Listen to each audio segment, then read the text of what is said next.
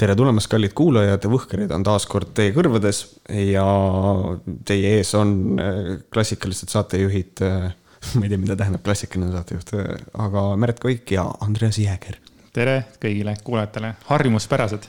harjumuspärased. meil on täna plaanis vähemalt selline chillim saade, mis tõenäoliselt tähendab seda, et ma olen umbes neljakümne viie minuti pärast täiesti endast väljas ja räuskan, aga et ähm, meil on olnud siin väga siukseid päevakajalisi teemasid ja põhimõtteliselt on nii, et tänases saates võtame natuke siuksed üldisemad, üldisemad teemad ette ja räägime nendel, nendel teemadel. et äh, Andres, millest sa tahad alustada? ma tulin, sõitsin praegu autoga siia ja ma kuulasin Kuku raadiot ja seal anti ära pileteid Kristjan Lüüsi äh, stand-up komedile Olla või ohkida Mm -hmm. ja ma olin jumala uhke, ma teadsin mõlemat vastust, siis ma olin nagu nii pahane enda peale, et miks ma nagu helistanud.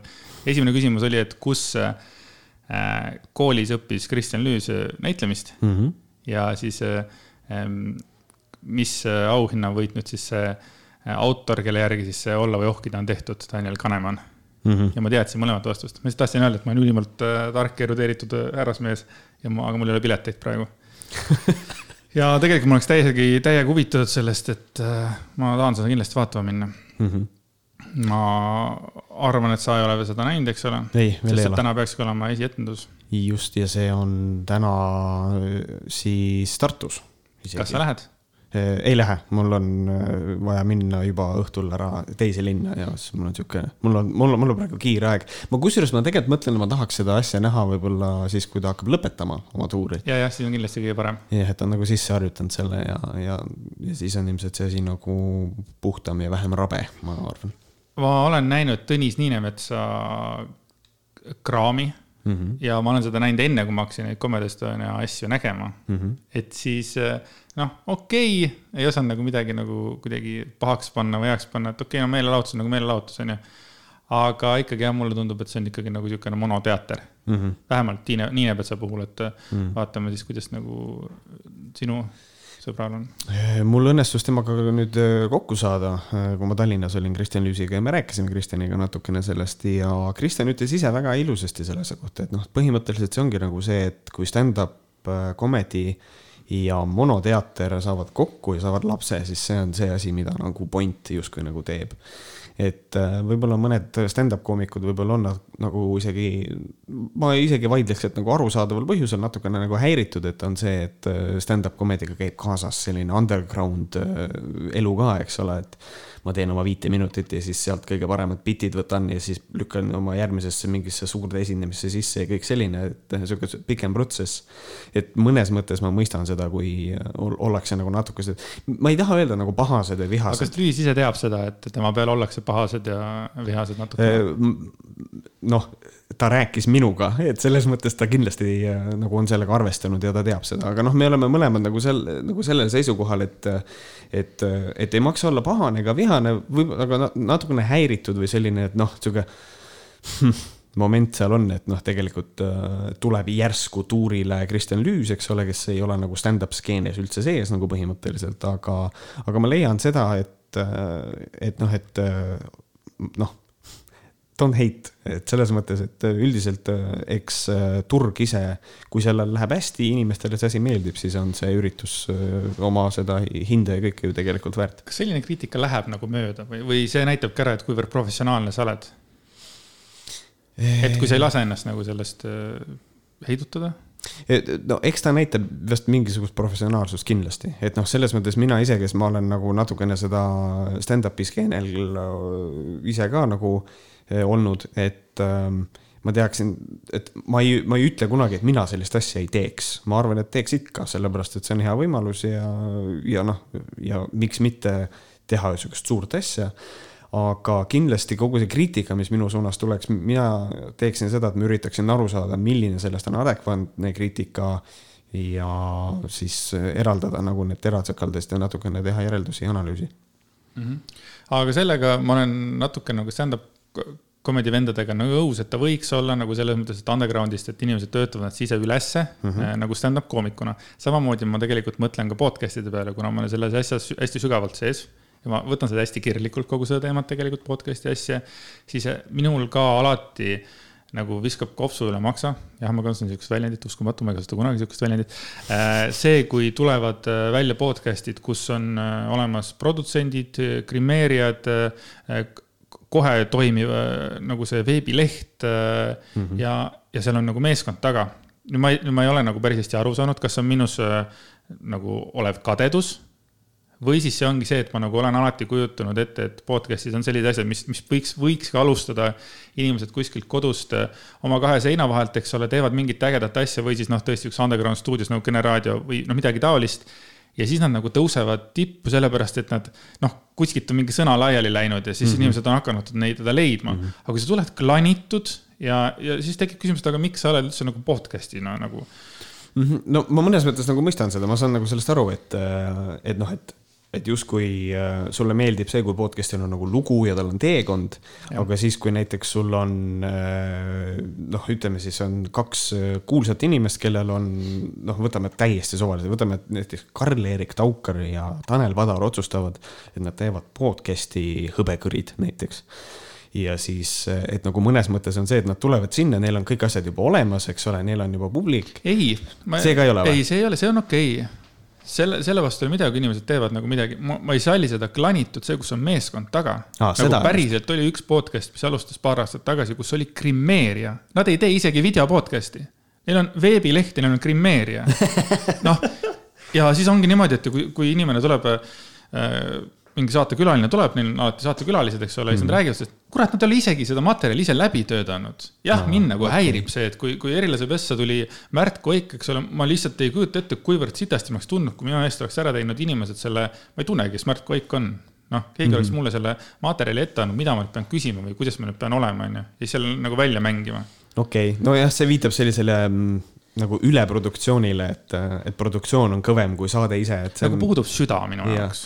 no see on hoopis teine asi jah, see on nagu, sellest ma saan aru jah, et nagu eh, oh, et podcast'id on nagu in, teeme ka ja siis on nagu seda raha, aga see, kui on podcast, kus ei ole videot ja on grimeer, siis see kõlab mulle, see kõlab mulle umbes niimoodi, et ettevõttest on vaja raha välja kantida natukene.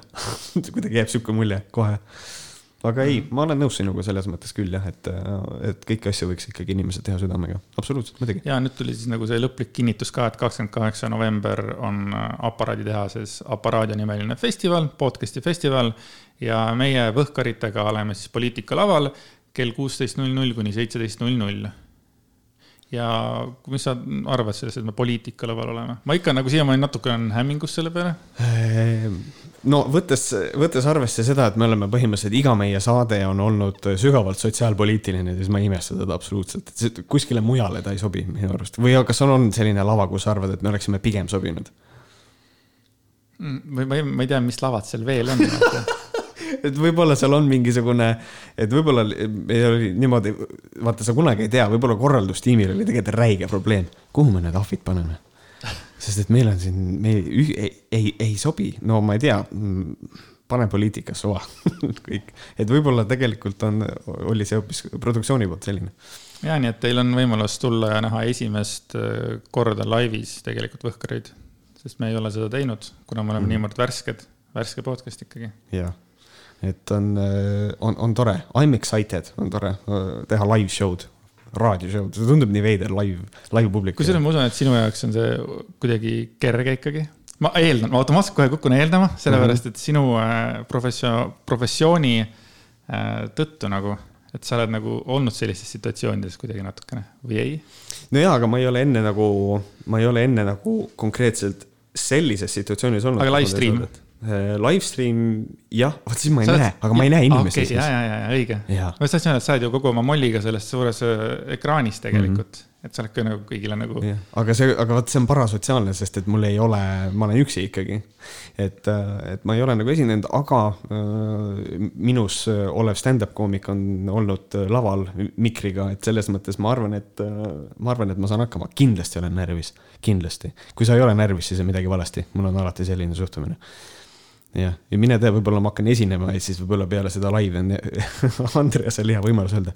kuule, et sai nüüd tehtud podcast'i ja tore ja lähme edasi, teeme midagi muud Not gonna happen kui mulle on antud võimalus sinuga koos töötada, siis ma seda praegu veel ära ei viska. no vaatab, teeme veel mõned saated, siis sa saad alati ümber mõelda. Äh, ma kuulsin, et sa äh, olid kunagi kirjutanud midagi, mingi vahva artikli ja üks hästi vahva ajakirjanduslik toode soovis seda endale jaa. ma kirju... korra vaatasin siukse näoga, et millest sa räägid? Äh, ja siis ma mõtlesin, et ma olen kirjutanud kaks artiklit, äh, mis on, äh, mis saatsid edu, üks nendest oli seitse levinumat viga tee valmistamisel. vot. ja ma kirjutasin siukse mõnitava artikli, vaata on need nagu, need kümme põhjust, miks sa peaksid kohe praegu ostma endale, ma ei tea, koeratoitu. viies põhjus üllatab sind, kõik siuksed ja siis ma kunagi kirjutasin mõnitava artikli, see on mul veebilehel üleval blogis. seitse levinumat viga tee valmistamisel, mis on, mis on räme satiir nagu selles mõttes, et noh, et üks põhjus on see, et üks levinumaid vigu tee valmistamisel on see, et teed ei tehta.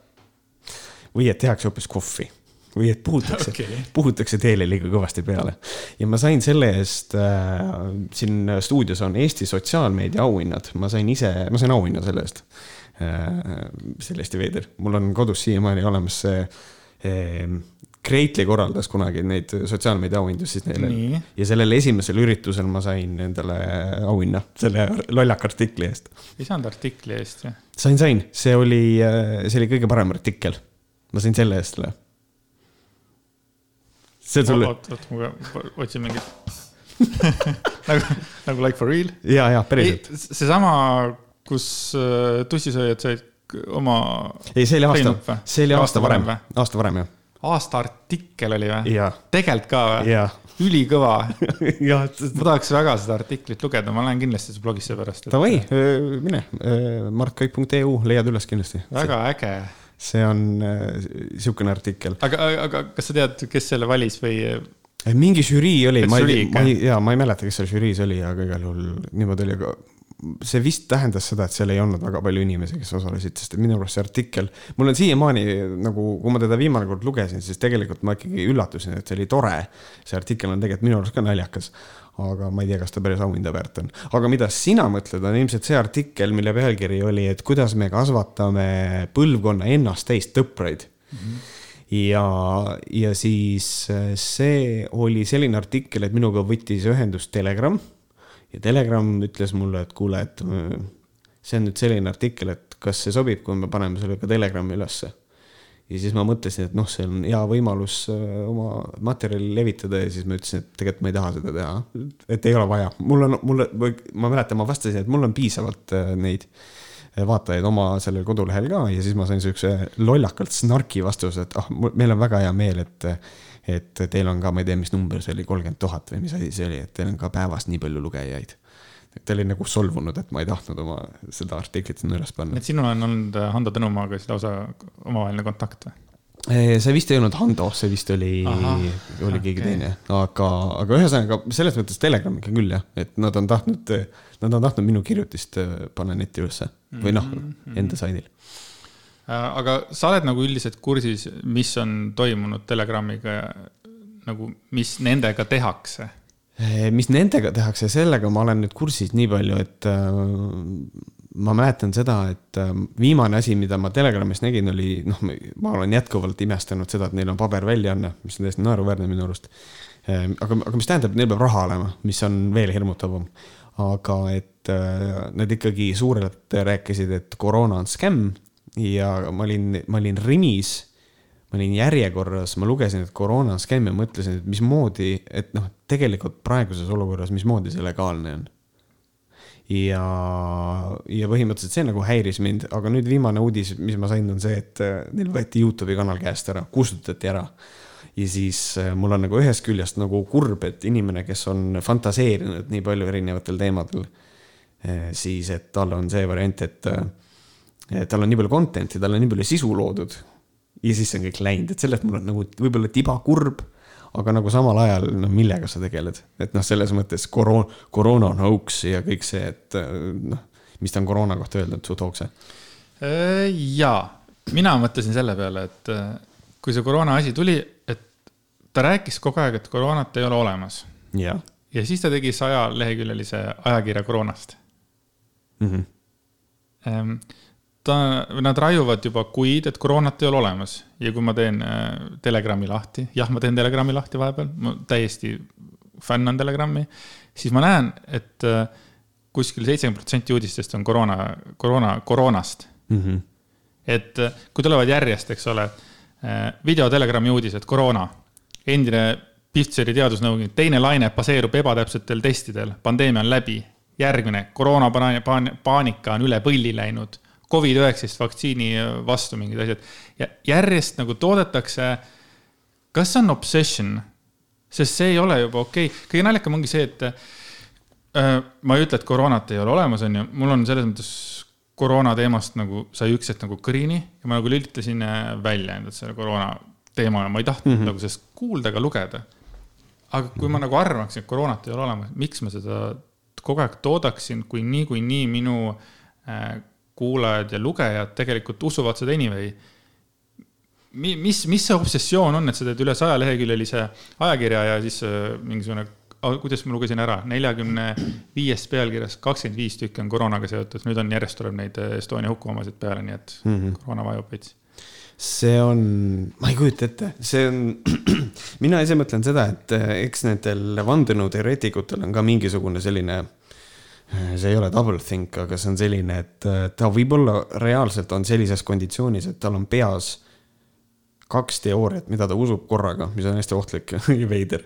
et koroona on fake, see ei ole päris, aga ta samal ajal usub seda ka, et koroona on tegelikult olemas, aga see on ikkagi vandenõu kuidagi.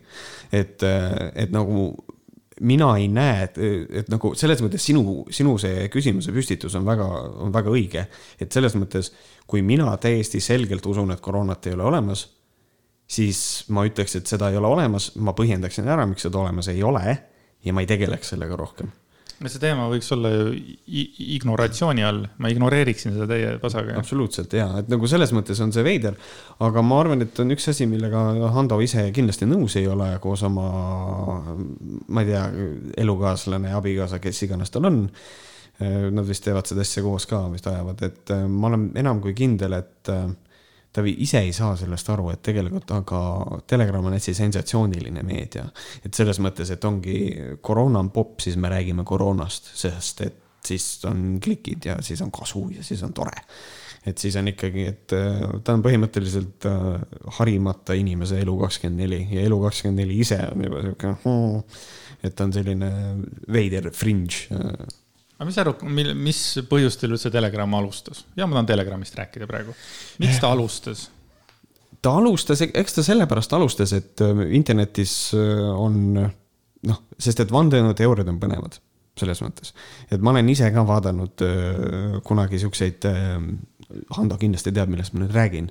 ma olen vaadanud filmi Zeitgeist ja ma olen vaadanud filmi äh, Zeitgeist Adenum ja ma olen vaadanud äh, Peter Josephi mingisugust sarja veel, mida ta tegi, Peter Joseph tegi siis ka need Zeitgeisti filmid et äh, ma olen nagu vandenõuteooriatega kokku puutunud ise, ma olen ise nagu uskunud seda, et kurat, see nine eleven on kahtlane ja kõike seda, aga nagu kuidagi nagu päeva lõpuks, siis kui ma olen lahti lasknud oma sellest äh, confirmation bias'ist ehk siis see kinnituskalduvus, kus ma olen nagu uurinud ka nagu teaduslikke seletusi, et miks tornid niimoodi kokku kukkusid, miks torn number seitse kukkus.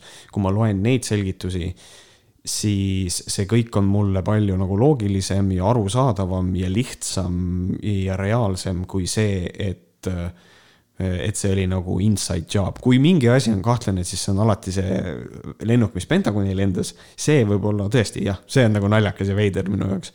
aga põhimõtteliselt äh, eks, eks vandenõuteooria on nii põnevad, inimestel on kahjuks on nagu selline probleem, et kui leiab aset mingisugune suur sündmus siis ähm, inimesed eeldavad, et selle taga või seda põhjustaja peab olema ka hästi suur, et see on ka põhjus, miks tegelikult ju printsess Diana, äh, kui ta sai surma, äh, arvati, et see oli ka tegelikult selline inside job, et ta koristati ära, äh, aga põhimõtteliselt on seal taga nagu see inimese psühholoogiline reaktsioon. et kui, kui suvaline inimene jääb liikluses auto alla, täiesti suvaline, siis on see, et noh, no juhtus, noh, lihtsalt astus teele ja ette kui nüüd homme jääks äh, Martin Helme auto alla, siis inimesed, kuna see on nii suur asi, siis inimesed arvavad, seal taga on mingi suur jõud ka. ja siis nad arvavad, et keegi lükkas ta sinna, see oli mõrv, see oli atendaat, et noh, et see on täiesti normaalne. Ja, ja see teeb äh, põnevaks äh, vandenõuteooriad. Ja ma arvan, et sellepärast on populaarne, internet on ju see ka, et, et, et põhimõtteliselt kui, kui keegi guugeldab maakera on kuubik, kas maakera on kuubik, siis ta ei saa vastuseid, aga tal on tunne, et maakera on kuubik ja siis ta kirjutab oma põhjendused, miks ta arvab, et maakera on kuubik. kahe nädala pärast keegi guugeldab, kas maakera on kuubik ja siis ta leiab selle inimese blogi ja siis ta mõtleb, kurat, keegi veel mõtleb niimoodi. ja niimoodi see asi, see lumepall lõpuks läheb ilmselt, et noh, need vandenõuteooriad niimoodi arenevadki mm. -hmm. ma, ma, ma olen näinud, et äh, neid inimesi tuleb juurde, aga mul on tunne, et äh, ma olen näinud ka ikkagi mingisugust äh, valet pilti sellest et kui ma nagu lähen vaatan näiteks numbreid mis iganes numbreid, et palju vaadatakse nende videosid, Telegrami videosid ja palju kuulatakse nende saateid, on ju. aga mul on tunne nagu, kui see Fesari leht vist seal oli vist mitukümmend tuhat inimest, on ju mm. -hmm. aga videosid vaatab mõnisada inimest või siis me räägime võib-olla, võib-olla tonnist inimesest mm. -hmm. kuidas sellised käärid ja, ja, ja, ja siis kas, kas siis ongi niimoodi, et, et nad kuidagi on tekitanud nii suure mulje, et ma nagu ise hakkan uskuma, et, et see kamp on nii suur, kes kõike seda usub või? miks ma näen seda niimoodi? see on huvitav jah, sellepärast et tihtipeale need äh, sellised kommuunid, mis internetis tekivad äh,, siuksed vandenõu, vandenõukommuunid, nad äh, nagu overlap ivad omavahel väga palju ikkagi, et, et noh, see ei ole niimoodi, et inimene arvab, et, et nine eleven oli inside job ja kõik.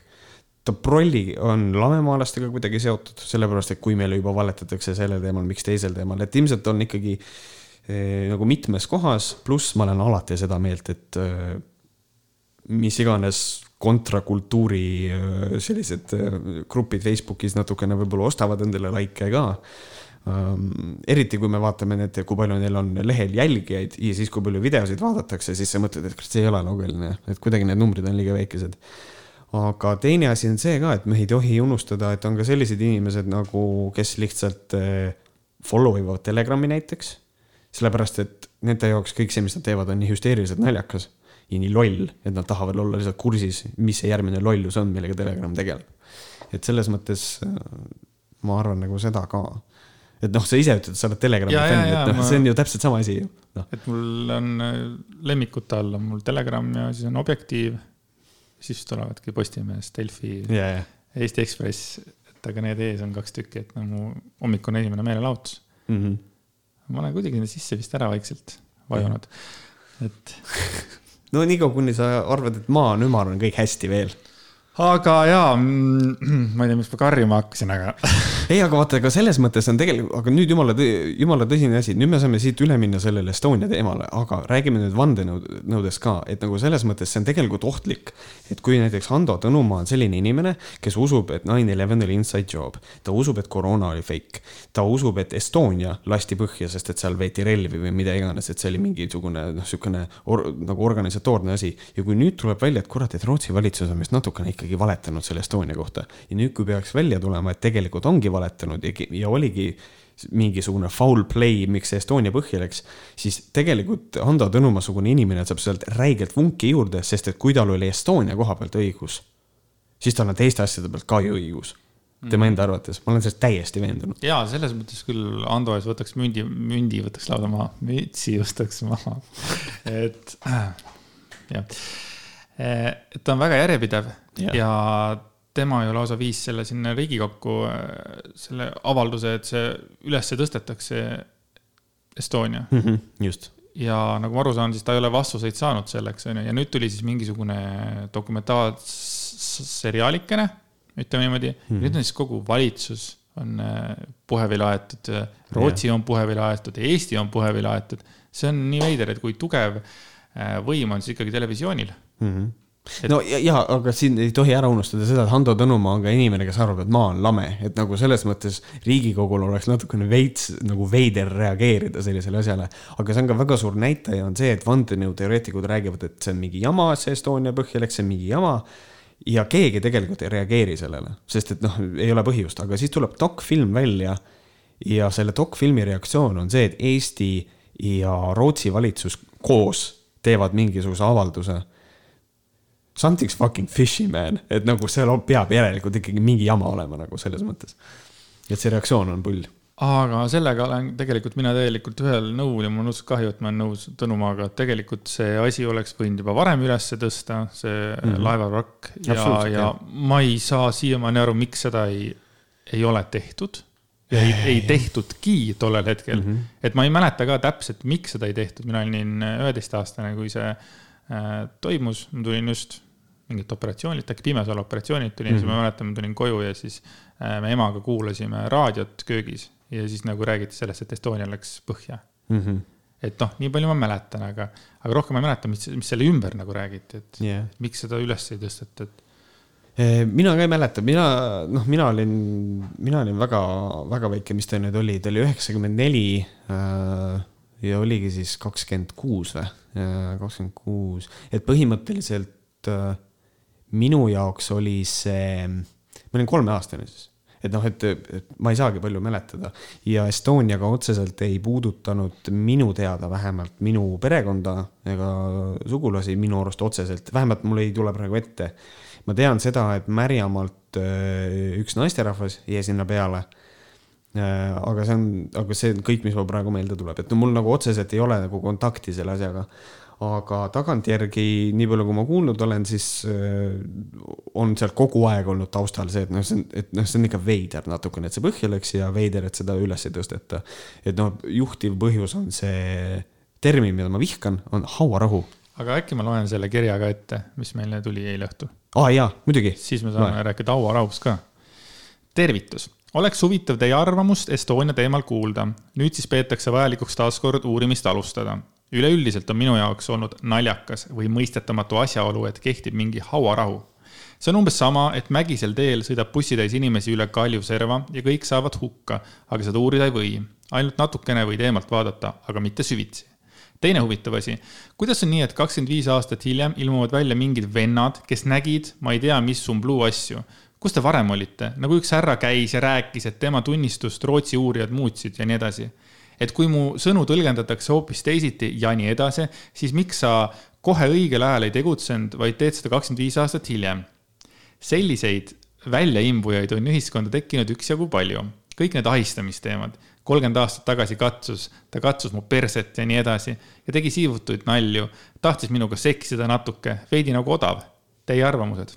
Aitäh, jätkake samas vaimus, Marko Eh, tänan Markot kirja eest. Eh, paraku olen sunnitud Markot ka natukene korrale kutsuma, et kui sa ütled seda, et kõik need ahistamisteemad, et kolmkümmend aastat tagasi keegi katsus perset, et on väga veider omavahel võrrelda Estonia hukku, mis on põhimõtteliselt otseselt tegelikult poliitiline asi.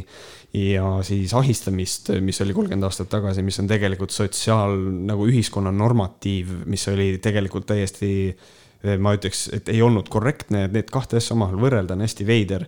Et võiks võtta arvesse seda, et see kolmkümmend aastat tagasi ahistamine oli see, et siis ei saanudki mitte midagi teha, kui keegi sind seksuaalselt ahistas, siis, siis sind naerdi välja, lihtsalt tänapäeval on see asi natukene nagu parem.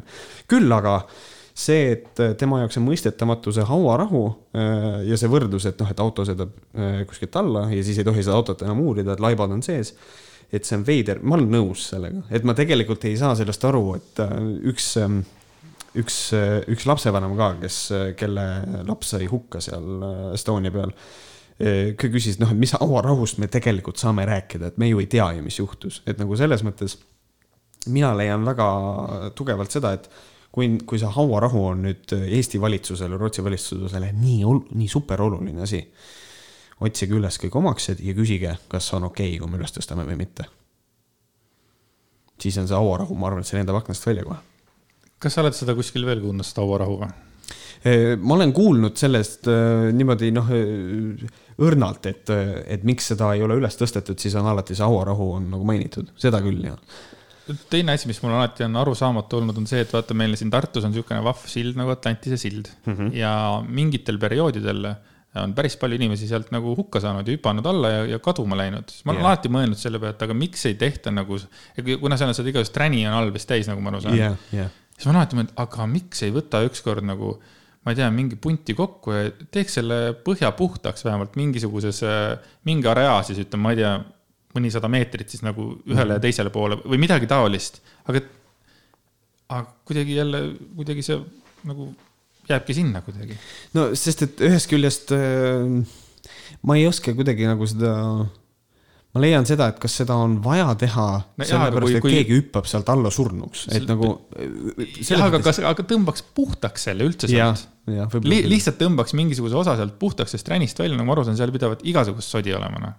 teeks puhtaks selle põhja, kui, kui how hard can it be tegelikult. ja, ja kui laipasid ei leita ülesse, sellepärast et seal on palju träni no aga tõesti, et aga teeme selle ükskord puhtaks ära, siis on korras. ise, ise ka õudne lihtsalt kuskil Emajões on mingid laibad ja ongi ja, ja. ja samal ajal inimesed ujuvad yeah!. ja nii ongi, et mul siin äh, mõni aasta veel äh, tollel hetkel väga heal sõbral nagu, tema siis nagu üks parimaid sõpru samamoodi mm -hmm. kadus ära ja oli kadunud, et sellest kõik ajalehed kirjutasid ja siis tuligi välja jälle, et kuskilt äh, on hüpanud siis sealt või kukkunud vette ja lõpuks mm leitigi laias laastus jälle sealtsamast kuskilt vahelt või midagi.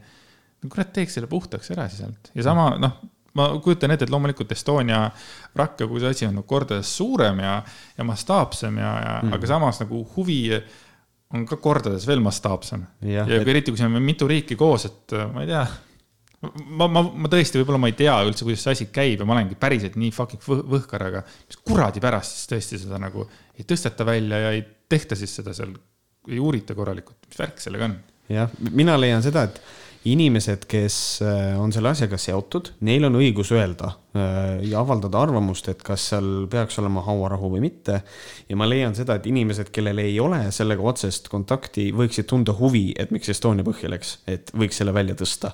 mina ise leian seda, et mina leian seda, kui mul tuleb keegi kõrvaline inimene ütlema, kes ei ole asjaga kuidagi seotud, tal ei ole Estonia peal mitte kedagi. Äh, ja ta ütleb, ei, aga seal on hauarahu, siis ma ei saa aru, millest sa räägid. noh, see on üldse minu jaoks hauarahu on täiesti arusaamatu mina olen kogu aeg see inimene olnud, kes leiab, et tegelikult võiks kõik inimesed ära, ära kremeerida ja selleks ja kõik nagu, et noh, et milleks üldse hauda enam tänapäeval, ma ei saa sellest aru küll ma ei üritanud seda kremeerimine on nüüd ärapõletamine või? ja just okay., et, et, et põhimõtteliselt, et, et ma nagu hauarahus kui sellisest ei arva midagi, see ei tähenda seda, et ma laipu üles kaevanud selles mõttes, et, et jah, olemasolevad hauad las nad olla aga kui inimestel on nii suured küsimused, siis äh, ma ei tea, võiks selle Estonia asjaga tegema. ma hüppan korra siia kirja tagasi sisse, see lõpus oli see, et äh, perset katsunud ja nii edasi. ja siis kohe tõi mul selle Aivar Mäe teema ülesse, sellest me rääkisime esimeses saates, aga ma jälle sain, sattusin rääkima mm kolme inimesega.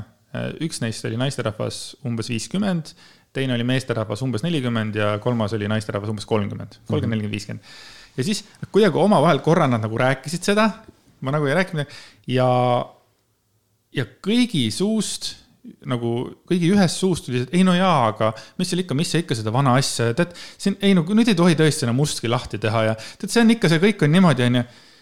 ja siis ma nagu küsin, jaa, et aga, aga ta katsus rindu, ta tõmbas särgi eemale, vaatas rindu katsus, katsus tagumikke, hüppas inimesele peale, onju, kui inimene mingi massaaži sai või tegi massaaži, mida iganes see Aivar Mäe tal peale hüppas või mis teema sellega oli, onju. kuidas saate öelda, et see on umbes sama asi nagu ukse lahti tegemine? ei no ikka jah, aga siis ma sain aru, et see mentaliteet on ikkagi selline äh, vanaaegne.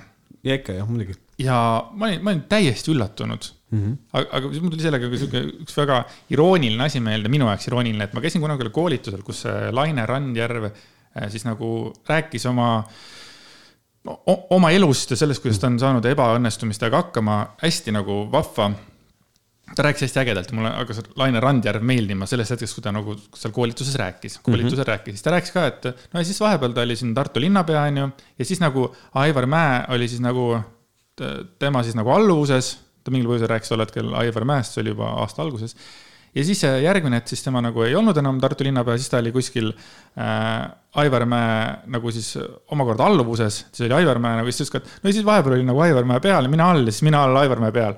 ja siis nagu ja siis nüüd mingi pool aastat hiljem või neli kuud hiljem onju, et siis nagu nii naljakas see lause, et noh yeah., vahepeal oli Aivar Mäe all ja mina peal ja siis järgmine hetk oli mina peal ja Aivar Mäe all mm. -hmm. Ja see on huvitav jah, sest noh, sa, sa räägid sellest ukse avamisest, et millegipärast arvatakse, et, et et, me oleme praegusel hetkel ühiskonnas, kus kohas ei tohi mees naisele ust lahti teha. ma ei ole kunagi seda tähele pannud, see ei vasta tõele, see on täielik vale. ja ma ei tea, mina olen, mina reeglina avan uksi, hoian ust lahti näiteks äh, vanematele inimestele, vahet ei ole, kas mehed või naised, ma ei tea ja ma ei, ma ei ole täheldanud seda, et ma hoian naisterahvale ust lahti ja ta vihastab selle peale ja kui vihastab, siis tal on mingi probleem. vahet ei ole, ma ei hoia inimesele ust lahti sellepärast, et ta on naine. ma hoian inimesele ust lahti sellepärast, et ma lähe-, ma läksin ees ja tal on niimoodi lihtsam sisse minna, ma ei tea, kas on halb olla hea inimene natuke või? okei okay., äh, mina teen alati, alati, kui mul on võimalus, naisterahvas ütleme, hakkab sisse minema, siis ma alati teen ukse lahti. mina teen mm -hmm. alati ukse lahti sellepärast, et ta on naine ja mina arvan, et see oleks nagu viisakas, kuna mind on nagu kuidagi, ma olen nagu kasvanud selles mm, -hmm. et tuleb nagu naisterahval, naisterahval uks lahti teha. Äh, ma mäletan, ma olin alati hästi hämmingus, kui mm, kui ma sain mõne tüdrukuga tuttavaks, ütleme, ja siis äh, ma ei tea, läksime minu autosse ja siis sõitsime edasi kuhugile ja ta oli alati üllatunud, kui ma tegin no, omakorda auto ukse lahti talle, et issand, keegi ei ole teinud mulle. et nagu minul on ka kuidagi sees on see uste lahti tegemine mm -hmm. naistele yeah.. et äh, mina ka ei tunne, et ma ei ole elu sees näinud, et ükski naine oleks äh, olnud mu peale pahane, kuri või, või, või karjuma peale hakkab, mida sa teed, vaid alati kõik on nagu meeldivalt nagu üllatunud ja alati ütlevad aitäh ja mm -hmm. minul on ka nagu rõõm, mul on ka nagu hea tunne, kui ma saan ukse lahti teha. ja, ja, ja jumala ees, kui nagu, kui, kui on naisterahvas, kellele ei, see ei meeldi, et talle ukse lahti tehakse, ma arvan, et siukseid inimesi on olemas ja kui sulle uks lahti tehakse, siis ütle et äh, kas on võimalik, et sa palun ei ava mul uksi, see ei meeldi mulle, kõik.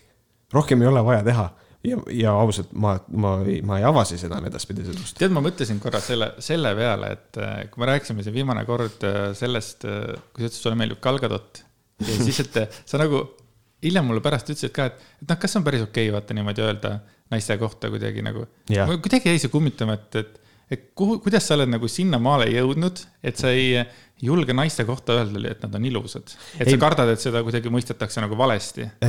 ma julgen öelda küll, et on, et on ilusad inimesed, ma julgen öelda seda, aga mul on lihtsalt selline tunne kõrvalt, et, et kui ma räägin naisterahvast selle baasil, et see naisterahvas on ilus, siis justkui see jätab sellise mulje, et see on kogu selle naise väärtus, võib-olla.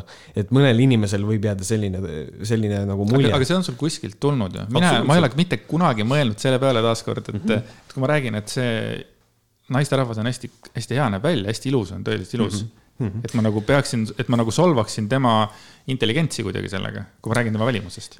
võib-olla see on tulnud sellest, et ma olen nagu nii palju ikkagi puutunud kokku sellega, et, et noh, näiteks äh, ma mäletan, kui sihuke äh, feminist nagu Nika Kalantar ütles äh, kuskil avalikult, et, et laste saamisega on see probleem, et lapsi ei peaks nagu saama inimesed enam sellepärast, et meil on ülerahvastatus, et pigem vist lapsendada või mingi selline statement. siis näiteks Jaak Madisson ütles sellist asja, et Nika Kalantar, et noh, kahju ise on nii ilus naine aga ta on sellise seisukohaga. see annab väga kummalise hinnangu, et nagu justkui see naine on ilus järelikult võib temaga seksida nagu justkui, et noh, et, et ta ei taha lapsi saada, et see on nagu nika probleem, et ta ei taha lapsi saada, kuigi ta on nii ilus. et mul on nagu selline tunne, et selle iluga käibki kaasas mingisugune veits, noh, see ei ole nüüd üldistav selles mõttes, aga mõnedel inimestel selline, et kui naine on ilus, siis ta, siis ta on naine ja naiselikkuseks olemise asi ongi see, et sa pead ilus olema, kuigi ma leian, et see ei, see ei ole nagu niimoodi, et naistel on palju rohkem teisi väärtusi. kuskohast see tulnud on, on lihtsalt see, et ma olen noh, ilmselt ma olen liberast ja ma üritan ikkagi nagu eh, aru saada sellest, et noh, et, et sellise ajaloolise naiste kohtlemisega, eh, muidugi ma ütlen naiste kohtlemine, sest see kõlab nagu naised oleks kõik ketis kogu aeg, aga mitte nagu päris. ainult viimased kakskümmend aastat ei ole ketis olnud Controversial statement.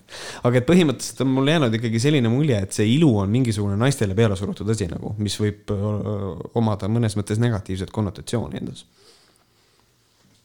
okei okay., ma püüan, püüan sellest nüüd aru saada, et ma kohe jälle mõtlesin, et fucking Madisson et äh, nad ütlevad ju kogu aeg mingisuguseid väga inetuid ja kohatuid asju, et selles suhtes, et noh, nende järgi ei saa mhm. ennast seada kahjuks. jah, muidugi selles mõttes. aga üldiselt nagu selles mõttes ma ei, ma ei, kui keegi küsib, et noh, et, et noh, kas on ilus naine või selles mõttes ma reeglina nagu ikkagi nagu julgen seda öelda. aga see sõltub ka nagu väga palju kontekstis, et kui keegi küsiks mu käest avalikult seda, et Märt, kes on Eesti kõige ilusam naine, siis mul tekiks kohe probleem, et miks see oluline on miks ma pean ütlema, kes on Eesti kõige ilusam naine, sest et see on nagu maitse asi, see on jumala suhteline niikuinii, minu abikaasa. aga nagu selles mõttes, et äh, siiski nagu miks, miks?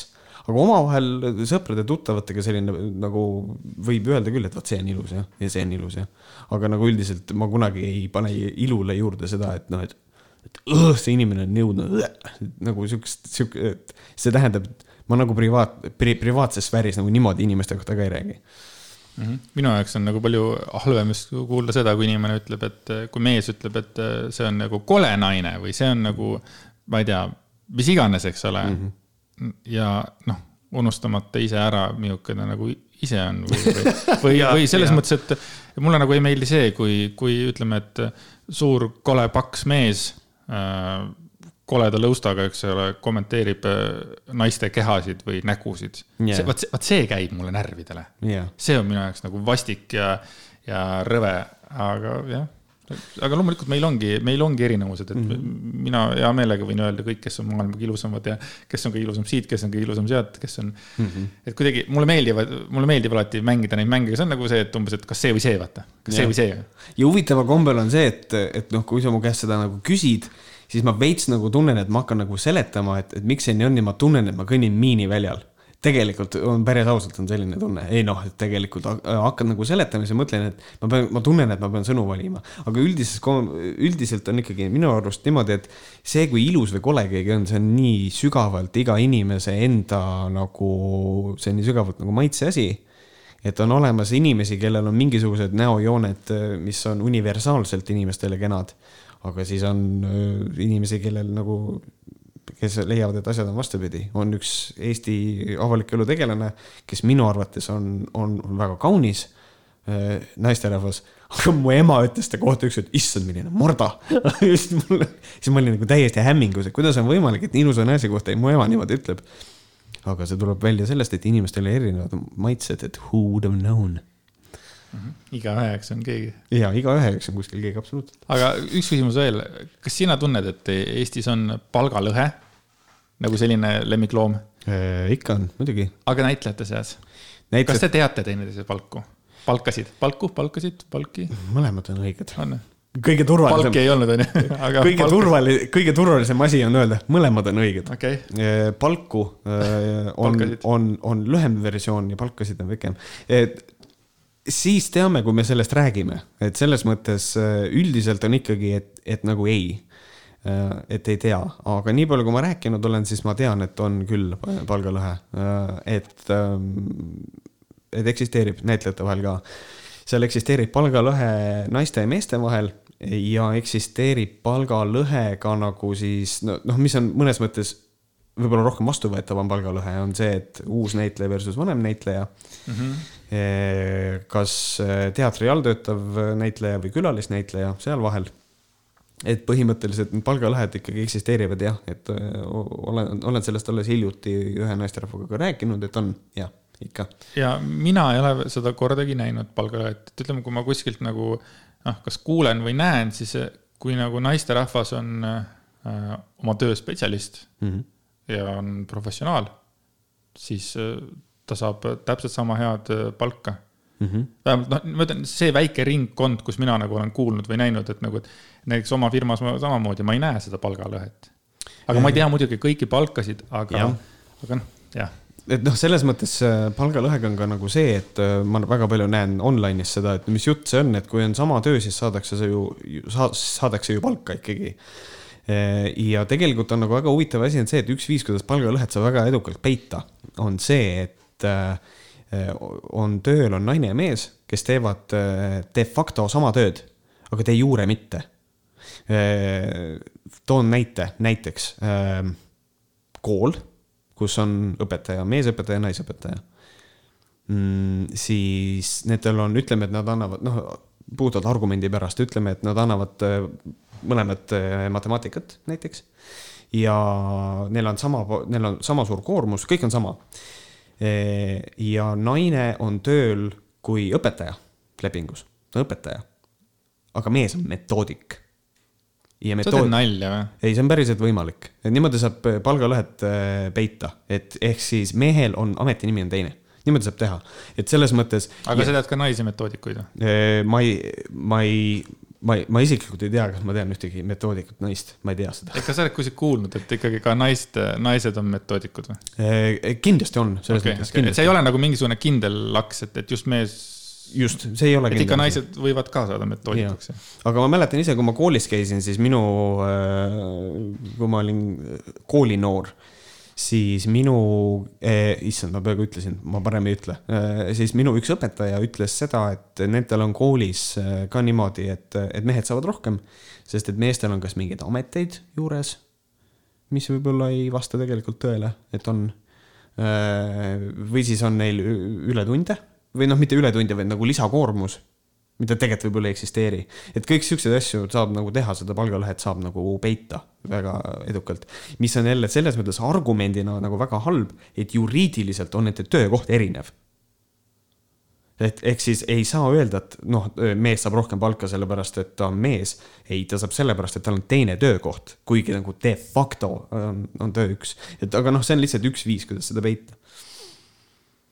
see tundub mul küll praegu täiesti uskumatu no vot ongi ja, ja kõige hullem ongi see, see ei pruugi sul ka statistikas ju välja tulla, kui sul on selline näid, nagu näide, et koolis on nii palju metoodikuid ja nii palju on õpetajaid, siis on no selge, metoodikud saavad teist palka kui õpetajad, ongi kõik. aga keegi ei vaata sellele, et ei vaata, mis koormus on, ei vaata, mis äh,. aga kas see tuleb kuskilt, äh, kuskilt nagu mingisugune, kuskilt juba ülevalt poolt või see on ikkagi direktorite teema, on üldse koolides direktorid tänapäeval või? ikka, ikka. ikka on, on alles? on ikka, no vaata, sa kunagi ei tea, et, et, et selles mõttes äh, õnneks hakkab seda nagu inimesed või noh, see asi hakkab kuidagi nagu ära kaduma, et, et ma tean seda, et äh, ma ei tea, minu abikaasa koolis on, tundub, et kõik on suurepärane. Siukseid probleeme ei esine, nii palju kui mina tean mis on nagu tuus. et, et see, kuskohast see pihta hakkab, seda ei tea, et noh, selles mõttes me ei saa kunagi ju kui on ettevõte, kus kohas on siis suur otsustaja, kes kui palju palka saab, palgaläbirääkimised, kui ta on sügaval veendumusel, et kuradi naised tulevad ja siis nad lähevad emaduspuhkusele kurat, ma ei maksa talle nii palju palka, siis noh, see saab sealt alguse, et noh, kuskilt see peab alguse saama, mõni inimene lihtsalt väärtustab naisi vähem kui mehi. sest et talle meeldivad mehed, aga ta ei ole gei, talle lihtsalt meeldivad mehed, väga, väga palju meeldivad mehed, nagu Varrole, aga, aga põhimõtteliselt et selles mõttes, et või, või, või noh, just nimelt, no mida ma nüüd selle Varro all mõtlen, on selline mentaliteet, et no mehed on nagu siuksed juhtivad, mehed äh, peaksid asju ajama ja naised pigem on siis tagaplaanil, kui tal on selline maailmavaade, siis sellest johtuvalt ta võib ju ka lükata ju siukse palgalõhe justkui nagu käima. kuigi jällegi ta saab alati öelda, et meil on erinevad töökohad, et noh, see on sihuke, sihuke shady, kuskohast see alguse saab, kui ülevalt see on, uh, ma ei tea. meil on praegu sihukene valitsus ka, et you don't fucking know. ja, ja mina olen ka lähedalt kokku puutunud selliste meestega, kes on äh, nagu just, nad lähevad just sinna natuke vanemapoolsesse ikkagi sinna seal üle neljakümne, seal viiekümne mm -hmm. juures ja, ja, ja ma kohe näen ära, et nagu vihkavad naisi. nagu no midagi kuskil on, siis nagu noh, naised ongi nagu, nad on lollid Mm -hmm. Nad ei oska seda, nad ei saa, nad ei tohiks saada seda ja see nii tugevasti on nagu äh, kaasa antud ja ühel, ühel sellel tüübil siis nagu ta hullult armastab oma ema on ju, kui ma ükskord küsin ta käest, aga et aga su ema on ka ju naine. kas nagu su ema ei ole ka siis väärt seda, seda ja on ka loll? et siis ei olnud nagu noh, siis sealt mm. ei tulnud midagi tarka. et see on nagu huvitav, et nagu oma ema siis nagu mõned inimesed hindavad hästi tugevasti, aga naised on nagu lollid. kui, kui jah, aga ema on ka naine ju huvitav, äkki seal taga on nagu see, et, et meesterahvas ei vaata vaata oma ema kui, kui naist. äkki seal on mingi selline taust ka? see on täitsa võimalik, et ta ei suhtugi oma emasse, kui et ta on naine, vaid et ta on mu ema, et see on nagu minu kasvataja, see võib ju ka tegelikult täitsa võimalik olla.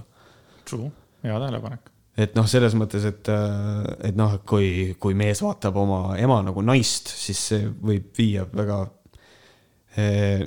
mis järgmine teema on, mul hakkas hästi ebamugav et noh, selles mõttes noh, et, et võib-olla on niimoodi, et, et, et lihtsalt ta ei, tema jaoks ema ei olegi nagu naine-naine, vaid ta on lihtsalt the, the birth giver, ma ei, ma ei oska öelda. ja, ja uh,, okei okay,, võtame siis järgmise teema uh,. koroona, ma olen püüdnud täiesti teadlikult uh, õhkareid hoida koroona teemast eemal, aga nüüd on asjalood taaskord veits muutunud ja nagu igapäevaselt toimub midagi ja kui ma -hmm. näen kuskil jälle, et mul tuleb teavitus, ma võtsin muide Delfi teavitused maha ära, seepärast mul hakkas see päriselt sitta keema ajama. kui ma hommikul ärkan ülesse, ma ei pea, ma vaatan kella näiteks telefoni pealt. Ja mu esimene teavitus seda on juba see, et koroona positiivseid oli jälle viiskümmend tükki või kuuskümmend tükki. Yeah.. milline ilus algus päevale? Mul on nii kõrini sellest. ma täi-, ma täiesti, ma, ma nagu täiesti vihkan seda, et me üht, ühtepidi ma nagu saan aru, et inimestel on õigus teada, sest siis tekiks äh, Telegram ja küsib, aga miks me ei tea, palju koroona nakatajaid on? miks te varjate seda, onju? ma pakun, kui, kui, kui ei antaks teada, vaata mm.. et miks ei anna teada, onju. aga miks? miks meile to-, toodetakse seda kogu aeg? Äh, ma leian seda, et see on üldsusel on, noh, mina olen nagu selles mõttes tänulik, et noh, kuna mina olen see inimene, kes praegusel hetkel peab käima proovides Tallinnas ja siis mul on nagu hea ülevaade sellest, et eh, mulle annab see number mingisugust eh, suhtumist või õpetab mind nagu nii palju, et kui ma vaatan, et on nelikümmend, nelikümmend, nelikümmend, viiskümmend, nelikümmend, et on, tegu on stabiilselt mingisuguse arvuga, stabiilselt ühepalju ja siis ma loen täpsemalt, et kus kohta nad on, nad nagu satuvad, et on Harjumaal.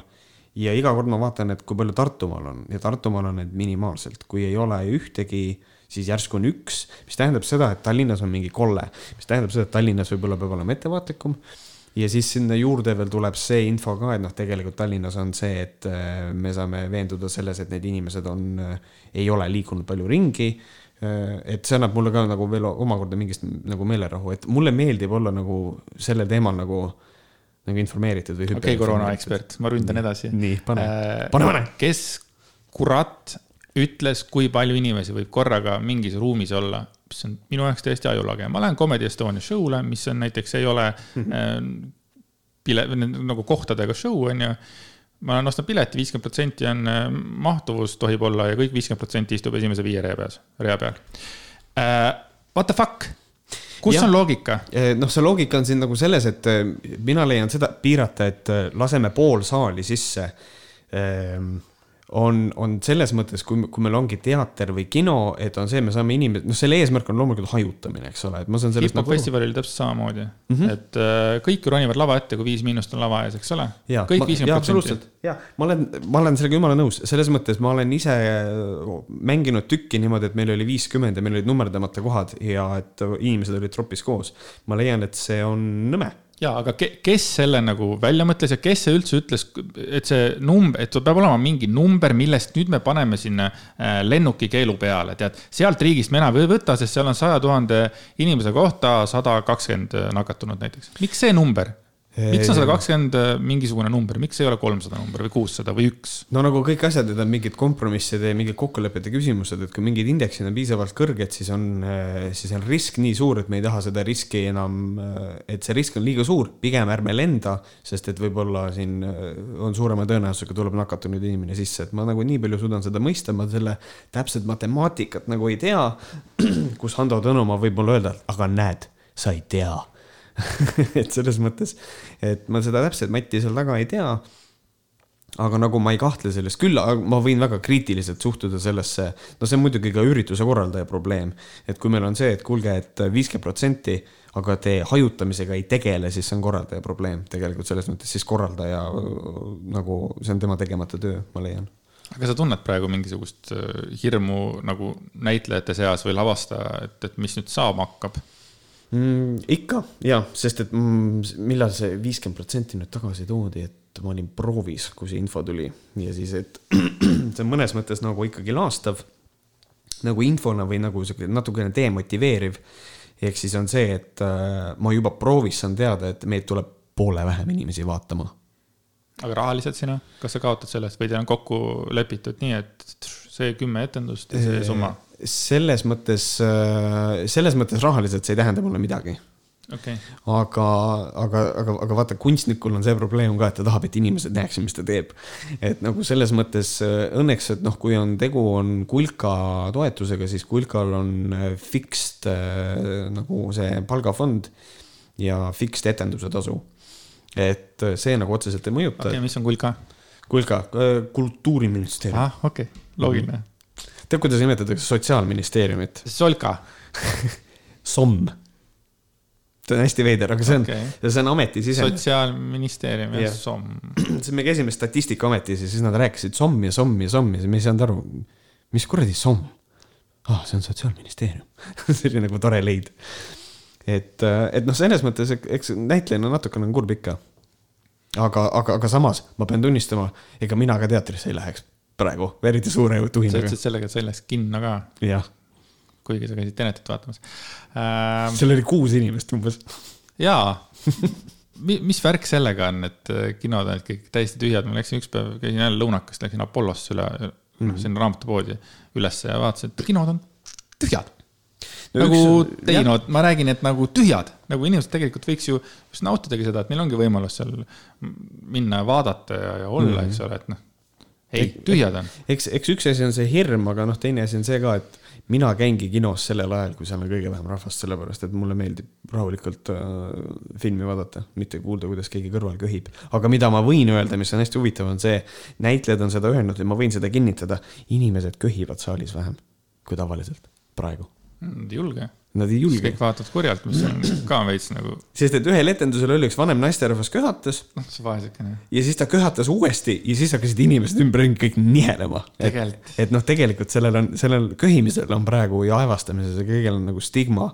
et noh, et ma olen nüüd ise siin rongiga paar korda sõitnud ja siis on nagu see, et ma olen aevastanud endale kuskile põue. ja jube halb tunne on aevastada. Tegelikult mul endal, ma tunnen, oi raisk, tuleb, oi kui piinlik. kuidagi selline tunne, et see on päris õudne, veider. mis on päris kohutav, et nagu meil on mingi sotsiaalne surve peita enda mingisuguseid, ma ei tea, allergiaid või mis iganes parasjagu on. jah, just. no eriti, kui ma veel tagan selle, et ma tõesti, ma aevastan põue või ma ei tea, mul on aevastamise kott, kuhu mul kogun oma aevastusi või siukene. et nagu mina ise leiangi seda, noh, seda ka Terviseamet ju rääkis et tegelikult ongi nagu see probleem, et me peaksime, et noh, me ei tohi mitte mingil juhul halvustada nakatunuid või nagu, mida inimesed kipuvad tegema, et uh, rõve, et haige, et ei tohi stigmatiseerida haigestunuid ja kaevastajaid ja köhijaid tegelikult, mm. -hmm. mis kuidagi iseenesest tuleb alati. kusjuures mulle täna saadeti üks äh, teavitus, et äh, meie vana hea sõber Kris Kala, kellest me rääkisime kunagi mm, -hmm. tema on öelnud sellise lause, et tema ei usu külmetushaigusi. Et nüüd ma, ma mõtlesin selle peale, et meil on kolm äh, nagu minu lemmiklauset, mis on öelnud. Paljas Porgand ütles kunagi, et depressiooni ei ole olemas. Hando Tõnumaa ütleb, et koroonat ei ole olemas ja Kris Kala ütleb, et ei ole olemas külmetushaigusi. vot, vot, vot selle koha pealt on minul küsimus, mida ta mõtles sellega, sest et ähm,, sest et ma tean seda, et külmetushaigus, inimene ei jää haigeks sellepärast, et külm on. Inimene jääb haigeks sellepärast, et tema immuunsussüsteem nõrgeneb külma tõttu ja siis viirushaigus või mis iganes teeb ta haigeks. tead, ma ei hakka, ma ei hakka rohkem reklaami sel teemal tegema, lihtsalt tahtsin öelda, et mul on nagu kolmas nagu lemmikasi olemas, mida nagu ei ole olemas. depressioon, külmetushaigused ja koroona, jesus christ. ja oota, mul oli midagi, midagi, ma mõtlesin veel, aa selle äh, fucking äh,, mitte fucking, aga teatri kohta mm. -hmm. Jälle ma ükspäev mõtlesin omaette, mõtlesin, et kurat, teater on kaduv kunst, aga mitte sellepärast, et teatris käiakse vähe või teatrit tehakse vähe, vaid mulle tundub, et teater on nagu, et kui sa teed etendusi, mingisugune mm, -hmm. palju etendusi tavaliselt on, kolmkümmend, nelikümmend, kaheksakümmend, sada, mõni teeb kümme aastat, onju. jah, ikka mm. -hmm. ja kui, ma ei usu, et iga etendus võetakse videosse või võetakse veel lõpuks. ma võin öelda, et ei, ega ei võeta. just. ja selles ja mõttes ta on kaduv jah. ja siis mõtlesin, et see on minu arust päris, päris hull tegelikult mm. -hmm. et sa teed midagi nagu, nagu sa ütlesid, te teete kunsti, seal on hästi palju tööd alla pandud, inimesed käivad. aga põhimõtteliselt nad lähevad siit ära ja siis nagu rohkem seda asja kunagi ei juhtu ja see ei jää isegi talletatuna kuhugile, et. et selle, samamoodi on tegelikult ka raadioga, et nüüd, nüüd raadiod on hakanud ka vist arhiveerima rohkem mm. -hmm. ja minu arust see on päris kurb tegelikult, midagi nagu väga ägedat, ilusat toimub.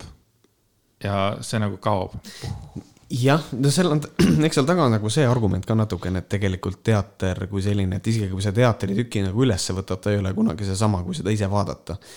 isegi nagu ja teha telelavastust, et nagu televisioonikõlbulik, siis on ka nagu kohe tekib see probleem, et siis on vaja see kuidagi ülesse võtta, natukene vaja kaamerale mängida ja, ja nii edasi aga ta on kaduv kunst ka ja ta ei ole mitte lihtsalt kaduv, et ta kaob ära, ta on ka väga pillav, et selles mõttes tegelikult teater on suhteliselt kallis, et me kulutame raha, ressurssi, et panna lavale kas toitu, rekvisiite, mis iganes. ja siis ühel hetkel need kõik tegelikult lähevad sõna otseses mõttes utiili, mis on prügi ühel hetkel. et ta on ka selles mõttes ka väga pillav, et nagu selles mõttes, kui tegelikult keegi tahaks räigelt kultuuri pealt kokku hoida, siis tuleks teatrit kinni panna. jaa, aga samas äh, raha läheb ju kellelegi see on nagu raha on ju ringluses, et, et äh, ma alati mõtlen selle peale, kui keegi ütleb, et jaa, et aga see raha või noh, et raha nagu kulutatakse, et kurat teab kuhu ja umbes meie maksumaksja, jah, aga keegi saab selle ju endale, et tegelikult mm. on ju ringluses. jah, ikka muidugi. Äh, jaa, kurat, oota, jätka et noh, selles mõttes ma, kui me nagu teatrikoolis käisime, siis sellest oli seal ikka juttu ka, et, et noh, meie kui näitlejad, me peame nagu arvestama sellega, et see kunst, mida me teeme, et ta nagu otseselt ikkagi ei talletu et noh, ta võib kellelegi kuidagi meelde jääda, aga kui ta, isegi kui ta kellelegi meelde jääb, siis inimese mälu äh, reeglina hakkab morfima seda, et ühel hetkel, et noh, et ta on tõesti, ta on, ta on kaduv kunst ja. okei okay,, aga mis hetkel sa avastasid, sa tahad saada näitlejaks? mis oli see punkt? Ma olin üheteistkümnendas klassis. oo, kui hilja muide. jah, see on, see on tõesti hilja. minu nõbu Tiina ütles mulle kunagi väga hästi, sest ma olin üheksandas klassis ja siis ma mõtlesin, et ma ei tea, et noh, et ma ei tea, mis minust saab et ma ei tea, kelleks ma tahan saada ja siis ma küsisin seda tema käest. mis oli huvitav, et me sattusime kokku, sest me, mina elasin Märjamaal, tema elas Tallinnas kuskil. ma küsisin ta käest, et noh, et millal sina teadsid, et, et mida sa õppima lähed või. ja siis ta ütles, et see tuli, see tuli väga lõpus, tal tuli see kaheteistkümnendate klassi teises pooles kuskil. ja siis sul tavaliselt see mõte tuleb ja siis sa sellega lähedki ja põhimõtteliselt minul tuli üheteistkümnendas, me tegime kooliteatrit ähm, Märjamaal kooliteatrit otseselt ei tehtud ja siis meie kirjandusõpetaja otsustas, et nüüd võiks teha. ja kuna ma olin äh, klassikloun, siis oli vaja nagu, et paneme mind ka mängima sinna ja ma mäletan seda, et äh, ma ei saanud peale proove adrenaliini maha enam. mul oli nii hea meel, mul oli nii hea olla nagu. ja siis ma mõtlesin, et äkki see on see asi, mis, millega ma peaks nagu tegelema vist ja siis kuidagi see nii läkski, väga lihtne. ja adrenaliinipauk on jätkunud üldiselt ja, kui on, kui proovid on põnevad, et noh, paraku, kui see on su töö, siis ühel hetkel sul tekib mingisugune nagu. ja, ei, sa ei saa olla kogu aeg hai, aga ma saan, ma saan sellest väga nagu hästi aru. muutub normaalseks, aga kui on mingi väga äge nagu, mingi väga äge materjal, millega töötada, siis ikka seda aeg-ajalt on. okei okay,, aga kas mõnikord on niimoodi, et eh, te hakkate tegema näidendit ja mingi vastasnäitleja on täiesti putsi ennast joonud? ei ole. et sinul ei ole sellist? minul asja? ei ole, see on, mul on, oota, fuck, samas ma võin öelda, et mul on olnud selline kokkupuude, mitte kokkupuude, ta oli kursavend selles mõttes, et äh, ta oli eelmine päev joonud hästi palju. ja siis äh, äh, noh, kuskil pani pidu, mitte ta ei joonud sellepärast, et ta oli näitleja, tal oli lihtsalt hea, hea, hea tuju kuskil. ja siis põhimõtteliselt oli see, tal oli järgmisel päeval nagu noh, tal oli halb olla ja me, ja meil oli proov, lasteetenduse proov. ja siis me teeme mingisugust hästi sihukest mingit lastetükki, siis me laulame seal ja siis ühel hetkel minu kallis kursavend lihtsalt lööb käed risti, hakkab viibutama. ja siis ta e, peaga kogu aeg teeb žesti ei, ei, ei, ei, ei ja lihtsalt kõnnib lavalt minema. ta lihtsalt kõndis, kõndis lavalt ära, üks, head me õues olime, kõndis lavalt üks kakskümmend meetrit eemale, jooksendas prügikasti täiesti õudne. ja, ja, ja, ja see on kõik, rohkem ei ole sihukest asja olnud, sest et üldiselt on praegu on see, et noored äh, ei joo väga palju ja see joomise kultuur on teatris ka tegelikult ikkagi teel välja tugevalt, et noh, näiteks Äh, teatris selline ruum nagu, mis ta on, etteasteruum, kus kohas on siis näitlejad, kus kohas nad siis valmistuvad enne lavale minekut, kus kohas nad nagu chill ivad ja hängivad.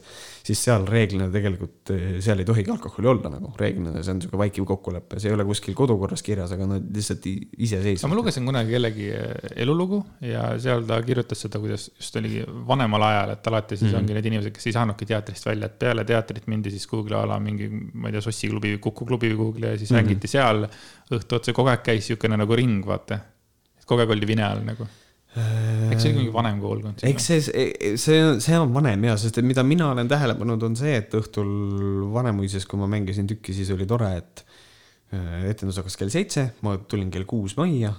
teised tulid kell kuus majja, vahetasid riided ära, läksid Krimmi, mängisid tüki ära, võtsid Krimmi maha ja läksid koju.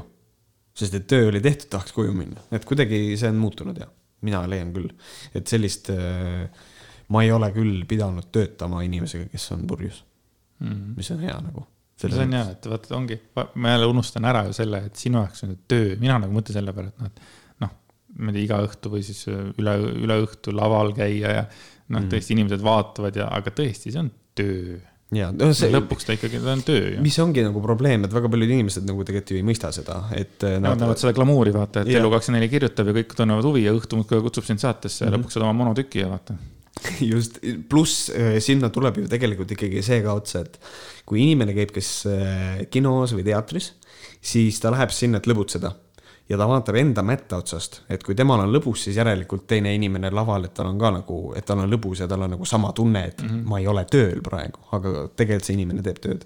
et selles mõttes, eks see on ka üks aspekt, millega inimesed kipuvad mitte arvestama. ja siis, kui keegi räägib, et näitlejate palgad on väikesed, siis äh, keegi kuskil ütleb, kurat, nad võiks mingit päris tööd teha.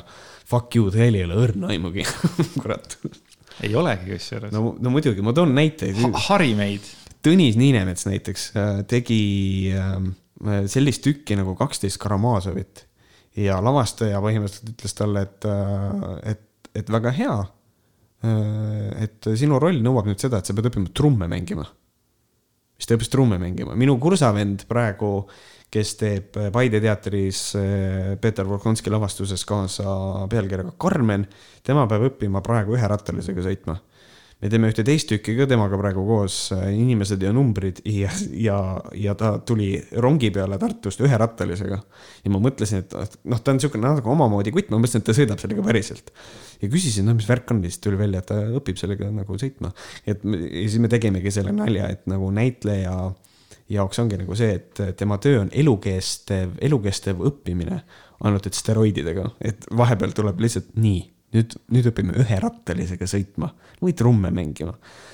et, et selles mõttes see on niisugune huvitav amet, et noh, ja, ja see, et proovid võivad olla väga füüsilised ja et noh, see on kõik need asjad, mille peale inimesed reeglina ei mõtle. et noh, et, et see, et ma lähen tükki vaatama, mis kestab poolteist tundi see on, kõik on tore, äh, aga me mängime seda rohkem kui ühe korra, inimene käib seda ühe korra vaatamas, me mängime seda rohkem kui ühe korra ja me oleme ka kaks kuud teinud proovi selle asja nimel, et need on kõik asjad, mida tegelikult ju teatrikülastaja otseselt oma peas ei pruugi alati läbi mõelda.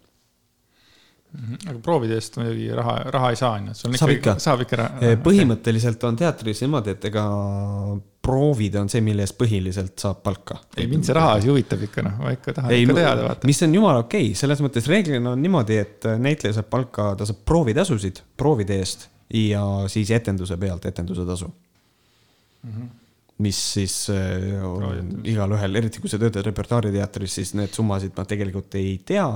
aga eks need on kõigil erineva lepingu põhiselt, kindlasti on kuskil mingi palgalõhe. Äh, ja, ja siis on kulka, kes annab võrdselt äh, mingisugused fixed summad, et siuksed asjad on täiesti et, et need rahaasjad toimivad nagu niimoodi. vist, kui sa oled repertuaariteatri näitleja, siis sa saad kuupalka muidugi, see on vist nagu teine asi aga.... repertuaariteatri siis no, repertuaari, mingi repertuaari, ei, repertuaariteater on põhimõtteliselt see, kus kohas on palgalised näitlejad ja palgalised lavastajad, kes teevad tööd, noh, Vanemuine. Vanemuine, ma tahtsin öelda Vanemuine. miks ma Baskini ütlesin, kas Baskin üldse toimib veel või? jaa, aga Vanemu, aga põhimõtteliselt Vana Baskinit võib nimetada vast projektiteatriks, kus kohas on siis niimoodi, et. kas nemad ei olnud need, kellelt raha ära võeti ja, ja ei antud, kellel on tagasi ja? kõik just. teised said maailmas, kõik asjad said ja nemad ei saanud. ja, ja siis, ja siis nemad ei saanud, sest et neid neile heideti ette seda, et nende kunstiline väärtus ei ole piisavalt kõrge. ja siis nad olid nagu hästi solvunud selle peale ja siis nad ütlesid, et kuidas niimoodi saab. et kes see seda hindab, see kunstilist väärtust, mille peale mina tõstan kaks kätt üles ütlen, aga see ongi subjektiivne. ja kui, ja, ja ma leian seda, et Eesti teatrimaastikul, kui sulle öeldakse, et sa ei ole kunstiliselt äh, nagu äh, ei, ei, ei täida mingit kunstilist nagu normi siis sa pead ikka jube sitta teatrit tegema tegelikult ja. aga oled sa kindel, et seal ei ole väikest vandenõuteooriat, et keegi ikkagi nagu, kellelgi on kellegi vastu vaata viha ma arvan, et sellel on nagu. ei, see võib ka täiesti vabalt olla muidugi, aga ma, aga lihtsalt, et inimesed teaksid, siis äh, ma suvelavastuses ma, ma, ma just töötasin Vana Baskini teatris. et selles mõttes, et, ähm, et mul on nagu väikene sisekaemus sellele, sellele asjale. et öelda nüüd seda, et Vana Baskini teater, et see kunstiline nende norm või see asi, mis, mille pärast neil raha ära võeti ja nad nüüd selle pärast kohtusse läksid et siis tegelikult äh, on täiesti ilmselge, et see tükk, kus mina osa võtsin, oli Vana Baskini teatri püüd teha midagi kunstilisemat kui see, mis nad on siiamaani teinud. ehk siis neile ikkagi läks see hinge, nad üritavad ennast äh, ma ei tea, kas nad ennast parandada üritavad, aga nad üritavad teha midagi teistsugust ilmselt, et äh, mis on, mida võib muidugi küüniline inimene vaadata seda, et nad tegid ühe teistsuguse tüki, et raha saada muidugi ka, et selles mõttes see, see Vana Baskini teater on selline veider, et noh, aga kõik need äh, tükid, mis nad on teinud, on nagu põhimõtteliselt projektid. et on uued näitlejad, uued lavastajad, saavad ühe projekti alusel palka ja mina mäletan seda, et kunagi oli hästi populaarne, nagu Vana Baskini teater käis mööda mingisugust Eestit. minu arust siis olid kõik need Paluveerid ja Normannid ja, ja Millingud mm -hmm. ja see, see oli mingi, mingi. Tegid ka seal mingisugust, ma ei tea, poliitilist nalja, igast asja tegid, mingi, mingi, mingi prügikasti asi oli. -hmm. Neil on üldiselt jah selline. ja see, tähendab, ma tahtsin öelda, et ma lõpetuseks, et ma, ma kunagi nägin midagi ja see oli kohutavalt halb ja ma mäletan, et isegi Eino Baskin ise oli, ma on nagu äh, lavastaja või mingisugune mm -hmm. asja ja siis ma nagu, ma mõtlesin, et okei okay,, et nagu. noh, on inimene, kellel on hästi kõrge nagu maine ja kes nagu yeah. alati ütles.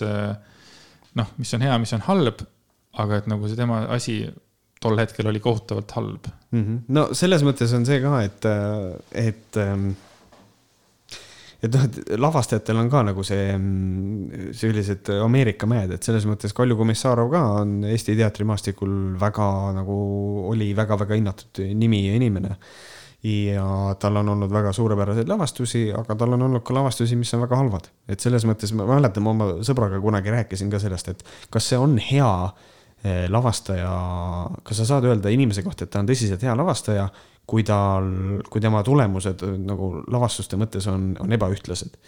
ja mina olen sellel seisukohal, et, et, et see on okei okay,, et olla ühtlaselt kogu aeg hea vast ei olegi tegelikult nagu võimalik ja pluss sinna juurde tuleb veel ka vaataja subjektiivsus. et inimesed minu arust kiidavad väga need, noh, me rääkisime Tenetist ka, et nagu inimesed kiidavad väga ka Inceptionit, minu arust Inception on täiega igav film mulle ei meeldi Inception. et nagu minu, minu jaoks on Nolan selle koha pealt ebastabiilne äh,. mitte, et Nolan ei ole ise ebastabiilne, aga ebaühtlane nagu selline output, eh, nagu see sisu, mida ta toodab. aga teise inimese arvates on see nagu kõik olnud kogu aeg hea, Mementost saati on super. kas sa nägid, oled Mementot ikka näinud, on ju? Eh, ma ei ole siiamaani Mementot vaadanud. okei okay,, ma vaatasin seda vist mingi neli kuud tagasi ära või mm -hmm. ja, ja siiamaani natuke nagu mõtlen, et mis seal nagu täpsemalt toimus, et ma tahaks, et sa ka Memento ära vaataks, äkki saaks Mementost rääkida. Eh, kui mul on aega, siis ma võin vaadata seda muidugi. mis, kes režissöör, mulle meeldib, oli, on kohe M. Night Shyamalan, eh, kes tuli hästi suure pauguga kõik need eh, Kuues meel ja Sixth, Sixth Sense ja siis Unbreakable, vaata, Bruce Willis ja Samuel L. Jackson. ja, ja siis ta tegi hunnikus hästi. ja äkki tuli veel midagi head ja siis järsku läks nagu täie pasaga kõik alla, siis tuli The Last Airbender, mis peetakse nagu üldse nagu worst movie ever on ju uh. -huh. ja siis ta hakkas sitast jälle nagu ülesse tulema, et, et see Split näiteks oli väga äge. Split oli väga hea, just ja, ja nagu tal oli see oma väike universum, et Unbreakable ja Split olid just. ju. aga ma ei näinud seda peale, mis see peale, peale Spliti tuli. kus kohas oli siis see Unbreakable'i, kus just. siis Bruce Willise karakteri. seda ma ei ole näinud ja ma olen kuulnud selle kohta ainult halba. jah, sama et ma ei ole Splitti ka näinud, sellepärast et mul on nagu konkreetselt, mul on nagu see mure, et noh, tegelikult ma olen Unbreakable'i näinud, see meeldis mulle. ja ma Splitti nagu mõnes mõttes nagu olen seda edasi lükanud, ma tahan seda kindlasti vaadata, aga mul on see hirm, et aga siis ma tahan seda kolmandat ka näha ja see pidi halb olema, et ma olen nagu selles mõttes nagu mures. aga, aga Shyamalan, M. Night Shyamalan ja selles mõttes tema on hea näide sellest, et nagu sa võid oma filmiga nii põhjas ära käia, et sa teed siukse filmi nagu After Earth, kus kohas Will Smith isegi oot, ei mängi oot, Will oot, Smithi. M. Night Shyamalan ja After Earth ka või? jah. aga The Last Airbender oli ka, on ju? jaa, tal oli see. jaa, After Earth oli minu jaoks oli veel halvem, vot After Earthiga ma olin tohutult pettunud. et ma nagu arvan, okei okay,, vaat ma alati loen neid ja mõtlen, et okei okay,, kui ta on nii halb, no siis ta mm -hmm. kindlasti mulle meeldib, ma olen siuke väike rebel, vaata, et eh, yeah. God damn vaatad, ta on nii, oi üle, tai pohku, sa nagu ei ole nii halb, et sa oled hea või? ja ta oligi nii halb, et ta ei olnud hea. ja, ta oli. mis asi see oli, vaata nagu? Mulle meeldis nagu selle filmi puhul nagu iroonilises mõttes meeldis see, et lihtsalt Will Smith on tavaliselt selline näitleja, kes mängib igas filmis Will Smithi, onju.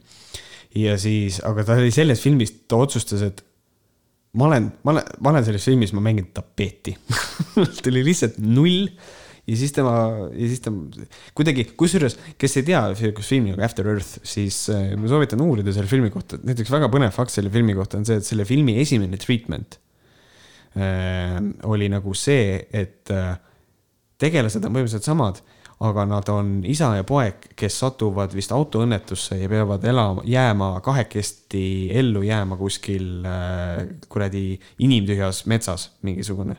mis ei ole üldse seotud ei tulevikuga, ei tul-, ei tulnukatega, vaid lihtsalt selline film. ja siis ühel hetkel keegi mõtles, kuule, aga paneks selle teisele planeedile. ei, paneme, et see on planeet Maa aga ta on nagu teine planeet, et ühesõnaga see, see film on käinud ka mingisuguse väga suure arengu läbi. et selles mõttes ma ei soovita seda filmi väga vaadata, ma mäletan, ma vaatasin ja see oli siukene. üks, äh, kes mul veel tuli meelde, oli Paul, Paul Verhoeven, kes tegi ka mingisugune ägedaid ulmekaid vanasti. Paul siis... Verhoeven on teinud ühe mu lemmikfilmi üldse, see on Robocop. on jah mm -hmm.? Robocop on sinu, tead sa vist isegi ütlesid seda? ja, ja ta on teinud ka Total Recall'i tegi, mis on äge ja siis ta on teinud siukse filmi nagu Showgirls, mis on hästi halb. ja see oligi nagu see pull, et nagu sa teed nagu ta tegi nagu, nagu ainult häid ulmekaid, kõik nagu täiega, no ülikõva, ta nagu viis jälle nagu edasi kogu seda filmitööstust on ju oma mingite uute ideedega. ja siis tegi Showgirlsi ja see sai nagu mingisugune, nii palju räsisid, et nii palju neid kuldvaarikaid, kui olla sai ja hävitas ja, niivõrd ja. palju karjääre, eks ole. et äh, minu suurest lemmikust päästekooli, kellest Jessit mängis, see Elizabeth, mis iganes ta oli et noh, sellega kukkus karjäär niimoodi tuff alla, et yeah. noh, pidi ka kakskümmend aastat mudast välja ronima, et taaskord nagu olla kuskil. see on nagu jah, see on nagu päris karm, aga, aga siin kohapeal nüüd, nüüd ongi, et mina ootan, kas, kas see juhtub, kas see juhtub ka Nolaniga, et ühel hetkel ta laseb välja filmi, mis on lihtsalt nii halb mm.. et lihtsalt nagu õh. kes seda Avatarid ja, ja Titanicut tegi? Äh, kas see oli? James Cameron. Cameron, just. jah, et tema on nagu siiamaani jõudnud äh, noh püsida sellel tasemel, et ta ei ole veel ühtegi sihukest flop'i olnud. Cameroni flop'i, kurat, ma ei tea, kas ah, vaat, ma pean vaatama, James Cameron. nagu, aga võta ainult direktorina nagu, režissöör, režissöörina. režissöörina, jah ja.. no. produusserina ei loe. tema esimene, tema esimene see suurem, tema flop võib tulla tegelikult sellest, et tal on praegusel hetkel on töös avatari kaks, kolm, neli vist või? ja 5K. 5K. 5K, et see on tegelikult täiesti võimalik, et. 5K, 5G, jee, jee, jee. et see asi võib nagu käest ära minna tal ka.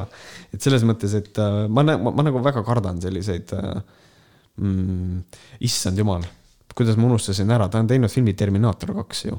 just. et noh, see on ikka. no oh my god see on ikka päris, ega tal ei ole suurt ja, ja. ei ole ju Cameronil ühtegi. Titanic ja, ja, ja ega ei ole jah kõik on nagu täiesti nagu järjest viiakse nagu tõk-tõk sammuke ülespoole. ja True Lies ja, et noh, selles mõttes tal on tegelikult, okei okay,, tema filmid on jah, ja, ja. et tema on see vend, et veel ei ole nagu. veel ei ole päris jah. Ja minu jaoks ei ole Tarantino ka veel kukkunud, kuigi jah, Jackie Brown paljudele ei meeldi ja Death Proof ka mitte, nii et mm -hmm. midagi ma kuulnud olen aga kindlasti mõni, mõni suur filmiinimene. aga kuule, aga me ei jõudnud ennem äh, Telegrami koha pealt sellele, ma ei saanud aru, mida sa nagu arvad siis sellest, et kas see on nagu õiglane, et äh, pannakse nende kanal kinni, täitsa hüppan tagasi siia mm, -hmm. et pannakse nende kanal kinni, pluss siis nagu äh, nende ajakiri nagu korjati ära pooltest siis nendest äh, kohtadest, mis need olid äkki Coop, R-kiosk ja Rimi vist võtsid maha. see on, kas see on poeketi enda otsus või? jah kui see on poeketi otsus, siis ei ole teha midagi, sest et poekett otsustab, mis. jah, aga no lihtsalt. aga nagu. hakati urgitsema ja siis poekett nagu allus survele mm. -hmm. no selles mõttes mina leian seda, et meil on õigus äh, vabas ühiskonnas esitada küsimusi, meil on õigus rääkida asjadest, äh, mida me arvame ja oma arvamust avaldada. aga mina arvan seda, et äh, mis puudutab otsest valeinfo levitamist või õige info levitamist, seda moodu nagu moonutades eh, ei ole asi, mida me peaksime tegelikult lubama. et selles mõttes ma ei tea, ma ei tea, selles mõttes pange mind vangi, eh, aga ma arvan, et see, et Youtube'i kanal kinni pani, see tehti asja eest. et nad levitavad ikkagi valeinformatsiooni, sellepärast et eh, Ando aga Tõnum. aga nad teevad ju, ütleme siis see, kes kinni paneb, on ju, nad mm -hmm. teevad ju siis tegelikult Telegrami ju suuremaks, kui nad on minu jaoks tekib äh, alati see küsimus, et mida sa torgid väikest, las nad seal räuskavad. kusjuures ma ei ole nõus, äh, ma ei ole nõus sellega selles mõttes, et kui sa paned ta kanali kinni, äh, siis sa ei tee teda tegelikult suuremaks. ta teeb kisa, ta teeb hästi kõva kisa, aga ühel hetkel tal ei ole kuskile kasvada ju enam. aga sa, sa arvad, et kui need korjati sealt ära mm, -hmm. ajakirjad, eks ole mm, -hmm. et siis ta ei hakanud rohkem müüma mina arvan, et vastupidiselt hakkas. Ahaa, see keelatakse ära, see peab olema mingi selline kraam, vaata. ja Tõnumaa omakorda mõtleb selle peale, ahaa, nad peavad mind ohtlikuks, I am the shit no Tõnumaa Kas... peab nüüd ohtlikuks ka sellepärast, et ma arvan, et ta on, et ta on rumal, aga, aga selles mõttes mina ei usu, et, et see nagu pikaajalises perspektiivis oluliselt müüki tõstis, ma ei usu seda. päris siiralt ei usu. ma lihtsalt mõtlen vahepeal selle peale, et, et, et kui, kui on mingid inimesed kuskil, kellele ei meeldi näiteks, ma ei tea, mis asi, võhkarite asi ja siis lihtsalt kustutatakse, ma ei tea, mingi asi ära sealt.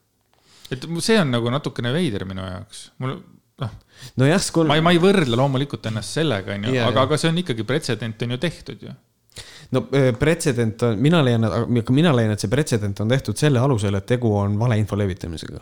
meie nagu siin, vähemalt nii palju, kui mina olen kontrollinud, valeinfo levitamisega ei tegele teadlikult muidugi me võime küsima, noh, ma ei taha öelda teadlikult, sest et võib-olla Tõnumaa teadlikult ei levita valeinfot, aga ta levitab valeinfot ja ta moonutab infot, mis võib laias laastus olla kahjulik.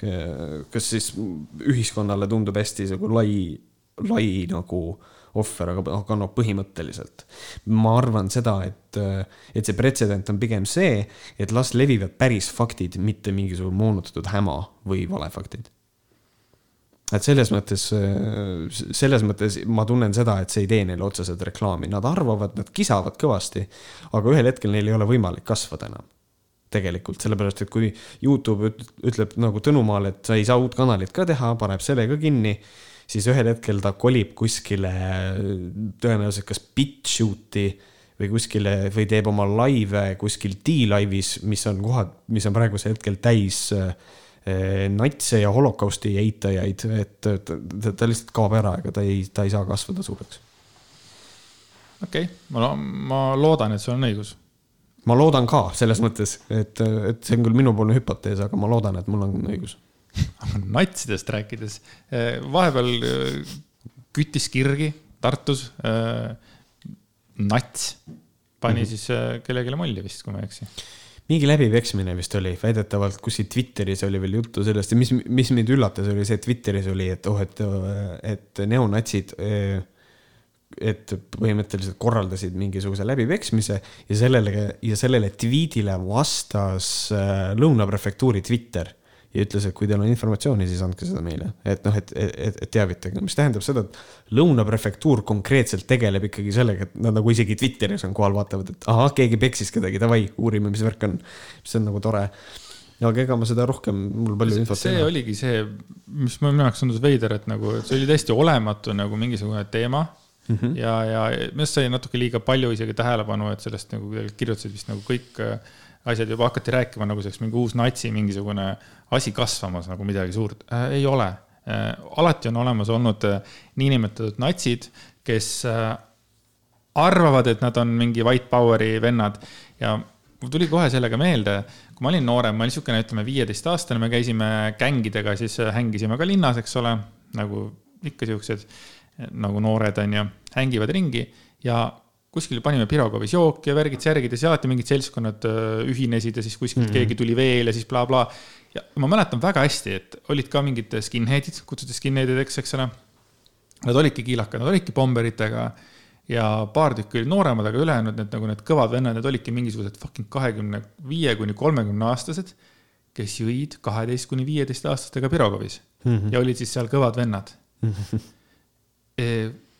Ma nagu siis ei pidanud sellest nagu, ma ei pidanud juba siis mingisugust ohtu mitte millegile tegelikult, kuigi ma olen näinud, kuidas lihtsalt ühe musta peale hakati, hakkasid seal äh, niinimetatud natsid, kiilakas skinhead'id hakkasid nagu karjuma, onju. Hmm. aga, aga sinna see nagu jäi ka lihtsalt, et noh, nad ütlesid ära, mis nad arvavad sellest mustast mehest, aga sealt ka midagi ei tulnud, et nagu millest, millest see kogu see, mingi see natsi asi ja, ja skinhead'ide asi siin Eestis on ikka no nii mõttetu, et. no üldiselt jaa, aga nagu samas neil on nagu praegu see ka, et nad on veits nagu rohkem pildis sellega, et meie see kuradi Overtoni aken on veits sinna paremale poole nagu läheb ja siis on nagu see, et, et, et võib-olla on nagu pluss noh, seoses pagulaste teema ja sisserändega ja kõige sellega, et eks nad on natukene rohkem pildis ja nende häält on nagu rohkem kuulda, aga ma üldiselt arvan, et see asi kaob ära ka varsti, et meil on nagu, ma arvan, et meil on tendentsid on, kui, kui ükski asi näiteks juba online kultuuri, kui vaadata, siis mul on selline tunne, et see selline alt-righti asi asendub meil üsna varsti sellega, et meil hakkavad kommunistid ja, ja padusotsialistid hakkavad mingit spämmi pilduma, et ma arvan, et see asi muutub meil ka üsna varsti ära tänavatel ka. American History X, X ei ole näinud, on ju? ei ole, kusjuures okei okay.. Memento ja American History X. ja ma just, võta igal juhul American History X ennem, sest see on, see on fantastiline film mm. -hmm, olen kuulnud. ja, ja noh, seal on ka niimoodi, et tegelikult ongi, et seal juhid on, ei ole mingid kiilakad vennad, eks ole, vaid need mm, -hmm. need juhivad nagu need noh, vanemad tüübid ja siis ongi seal all on need terve kari lolle tattnokkasid, kes ajavad pea kiilaks ja oo, neeger noh mm -hmm. et nojah, eks see, eks see vist sihukeste suuremate liikumistega niimoodi on, et võib-olla on hästi kole asi, mida öelda, aga võib-olla neid neonatse ja ma ei tea, Jehova tunnistajaid väga nagu ei saagi nagu oma ülesehituselt nagu eristada väga, et sihuke nagu kahtlane värk on. jaa, Jehova tunnistajad vähemalt on organiseeritud ja on suured ja, ja teevad midagi, neil on oma kuningriik. Neil on oma kuningriik ja neil on oma kuningriigi saal ja see on, neil on, neil on see asi vägev. jah, ja, ja, ja neil ei ole mustanahaliste vastu midagi, ainult naiste. ja neil on, see on nagu teistmoodi okei, okei. Äh, mõtlesin, et korra äkki põgusalt ikkagi korraks puudutaks seda mm, Varro Vooglaiu äh, probleemi oh, ERR-iga Varrole käib hullult pinda, ühesõnaga öö-TV-s ja Pealtnägijas näidati svingereid ja Varro Vooglaid täiesti nõuab, nõuab nagu selgitust, et miks ERR propageerib eh, svingerlust kui elustiili.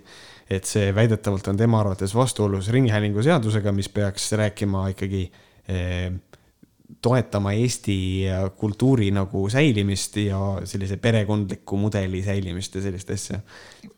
tahan ilusti seal lugeda, see on siis eelnevat silmas pidades palun teil kui ERR-i juhatuse esimehel selgitada, kuidas on niisuguse materjali eetrisse laskmine kooskõlas Eesti Rahvusringhäälingu seaduse paragrahvis neli sätestatuga, mille kohaselt on ERR kohustatud lähtuma eesmärgist aidata kaasa Eesti Vabariigi põhiseadusega sätestatud Eesti riigi ülesannete täitmisele muu muuhulgas luues saateid, mis väärtustavad perekonnal põhinevat ühiskonnamudelit. see oli siis äh, Roosele kirjutatud kirjas mm. -hmm. fantastiline lause jälle kas sa seda lauset kuulasid, see oli? see on, ei no ta on, ta on ja ikka, see on fantastiline. mulle meeldib see, et tegelikult Varro Vooglaid ei saa aru, et, et perekonnal baseeruv see, et see tema arusaam perekonnast ei ole see, mis ta on ülejäänud ühiskonnas tegelikult et, et, et, et ta nagu ei suuda nagu mõista seda, et ühiskondlik eh, normatiiv perekonnast ei, ei ole see traditsiooniline peremudel, mida tema silmas peab. minule tundub, et jälle, kui kuskil on midagi äh, seksiga seotud, siis ta mm. lendab nagu vopsti välja kuskilt, et oot-oot-oot-oot, mis nüüd toimub, sellepärast et kui ma vaatan ETV-d, väga ei vaata, aga kui ma olen vaadanud ETV-d, pereväärtusi, eks ole, et noh hakka siis nüüd ükshaaval, võta kõik läbi, et nagu, et kindlasti on seal veel palju mingisuguseid asju, mis mm -hmm. ei, ei ole kohandatud Varro Vooglaiule just, eks ole. aga, aga nende üle ta ei karju. ja, ja siis nüüd ja. oli mingisugune äh, svingerluse teema et äh, öö-TV-s esiteks oli mingi öösel kell kolm see või midagi taolist, on ju mm, -hmm. lihtsalt nagu tutvustati, räägiti sellest äh, Pealtnägija pundi poolt äh,. So what ja just, et noh, pluss nendel on nagu see probleem ka, et nagu rahva raha, et selle eest tehti öö-TV-d ja selle raha eest disainiti äh, saatejuhtidele särke ja mingisugune selline jutt ja ma ei tea, mina maksumaksjana tunnen seda, et mul ei ole selle vastu mitte midagi, et ma maksan selle eest, et ERR teeks kvaliteetseid saateid ja mul ei ole ka selle vastu mitte midagi, et mina kui inimene, kes äh, svingerlusega kohe päris kindlasti tegeleda ei taha, siis mind ei häiri ka see, et minu maksumaksja raha on kaudselt äh, sees sellises äh, nagu tükis, uudiste tükis, mis räägib svingeritest. sellepärast, et mina leian, et on hea teada, et meie ühiskonnas on sellised inimesed olemas, kes tegelevad selliste asjadega, et ma teaks, mis see tähendab, kui keegi lauas ütleb, et, et oh, et, et ma olen svinger, ma tean, mida see tähendab. aa, okei okay,, selge. mitte, et ma, mitte, et see inimene peab hakkama sünnipäevalauas rääkima, ei ma seksin hästi paljude inimestega. rääkimata sellest, et see on ju hea lugu ju. absoluutselt, muidugi. ja nagu selles mõttes, aga Varro probleem on see, et ta tõsiselt tõlgendab seda eh, nagu sellena, et see on, propageeritakse svingerlust. mis tekitab minus küsimuse, et kui ERR näitab äh, tõsielusaadet mis baseerub faktidel, täpselt nagu see Pealtnägija lugu, kus kohas me räägime aborigeenidest, kes põhimõtteliselt fucking, ma ei tea, elavad põõsas, noh, ma ei tea, siis me ei propageeri põõsa, me ei ela põõsas elamist ju. Me, me, me informeerime, et need inimesed elavad niimoodi noh, ma ei saa sellest probleemist süngerlusega talle aru nagu. keegi ei sunni, keegi ei ütle, et Varro, et nii, nüüd pead minema oma naist jagama, see ei käi ju niimoodi, noh võimatu on mõista, kuidas fingerlus, mida Kärmas nimetab hellitavalt vabameelsete eluviisiks ja libertiinluseks, ent mida võiks mitte vähem adekvaatselt nimetada üheks hooramise ja ilmselt vähemalt märkimisväärses osas ka prostitutsiooni vormiks, väärtustab, väärtustab perekonnal põhinevat ühiskonnamudelit, sest teatavasti on perekonnaelu ja perekonnakultuuri üheks oluliseks aluseks pühendumine ja truudus ning selle osana ka hoidumine seksuaalsest läbikäimisest kõrvaliste isikutega. kuidas on võimalik nii pikki lauseid teha? see on viis rida. I lause, can't breathe. ei, tegelikult ka see lause oli viis rida, et, et see on äh, äge mina ei saa aru, mina olen selles mõttes, mis puudutab seksi, siis ma olen tegelikult ikkagi suhteliselt konservatiivne inimene. aga ma olen nii palju liberaal, et ma ei sekku teise inimese ellu, kuidas tema nagu seksib, täiesti ükskõik. et nagu ma ei saa aru, see on, et see on hooramine, prostitutsioon.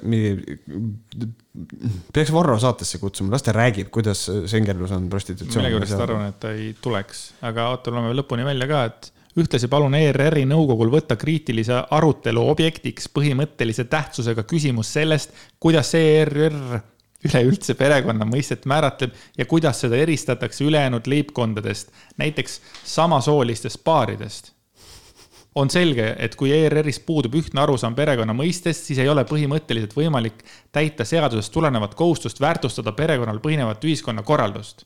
lugupidamisega, Varro Vooglaid ehk siis põhimõtteliselt davai, ma olen nõus äh, ERR-i Rahvusringhäälingu seadusest välja võtta see perekonnapunkt, väga hea, korras lahendatud, Varro, thanks. aga miks mind tegelikult äh, see üldse nagu kõige rohkem häiris?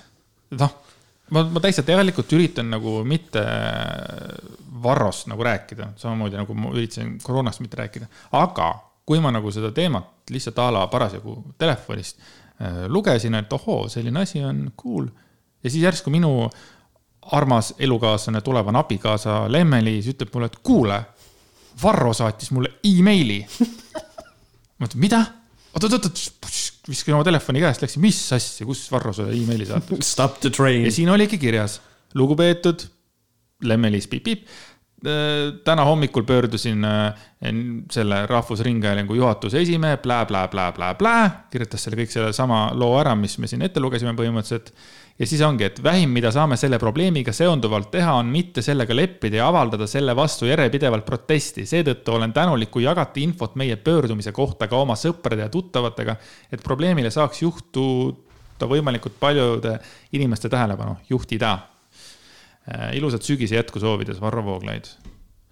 Äh, miks ta äh, saadab meili Lemmele? ma ei saa sellest aru, sellepärast et mina olen ka koguduse liige mm. -hmm. mina tunnen väga kurvalt ennast praegu, et mind ei ole sinna perekonda tegelikult kutsutud nagu. sa ei ole, sa ei ole traditsioonilise pere osa ei no, ei no olen ju.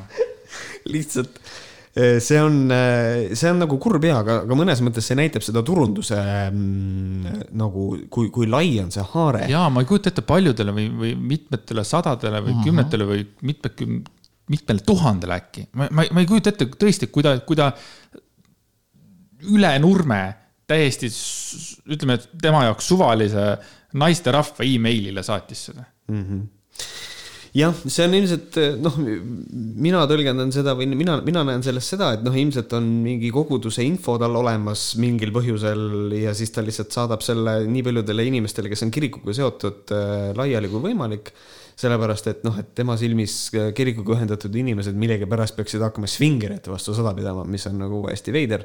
või noh, siis kaudselt nagu ERR-i vastu. et ma tegelikult ei saa aru, et, et see on hästi, on, et see on, noh, see on tegelikult see on kurb, et nagu selles mõttes ja, ja üha enam kinnistub minus see seisukoht, et see ei ole võimalik. et ta ei saa selle eest mingit palka kuskilt imelikust kohast, sest et kallis inimene, sul on nii palju aega, et selliseid kirju kirjutada ja neid laiali saata. loomulikult seda saab, seda süsteemi saab automatiseerida ja kõike seda, aga kust sa võtad selle aja, et sellise sitaga tegeleda nagu? noh, kuskilt peab mingi raha tulema.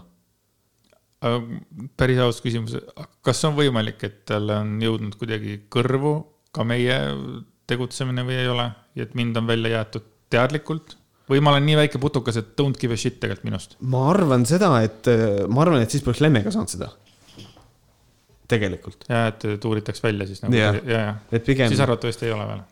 et ma arvan seda, et pigem on nagu lihtsalt see, et äh, kas sa oled, ma olen liiga, ma ei oska seda põhjendada.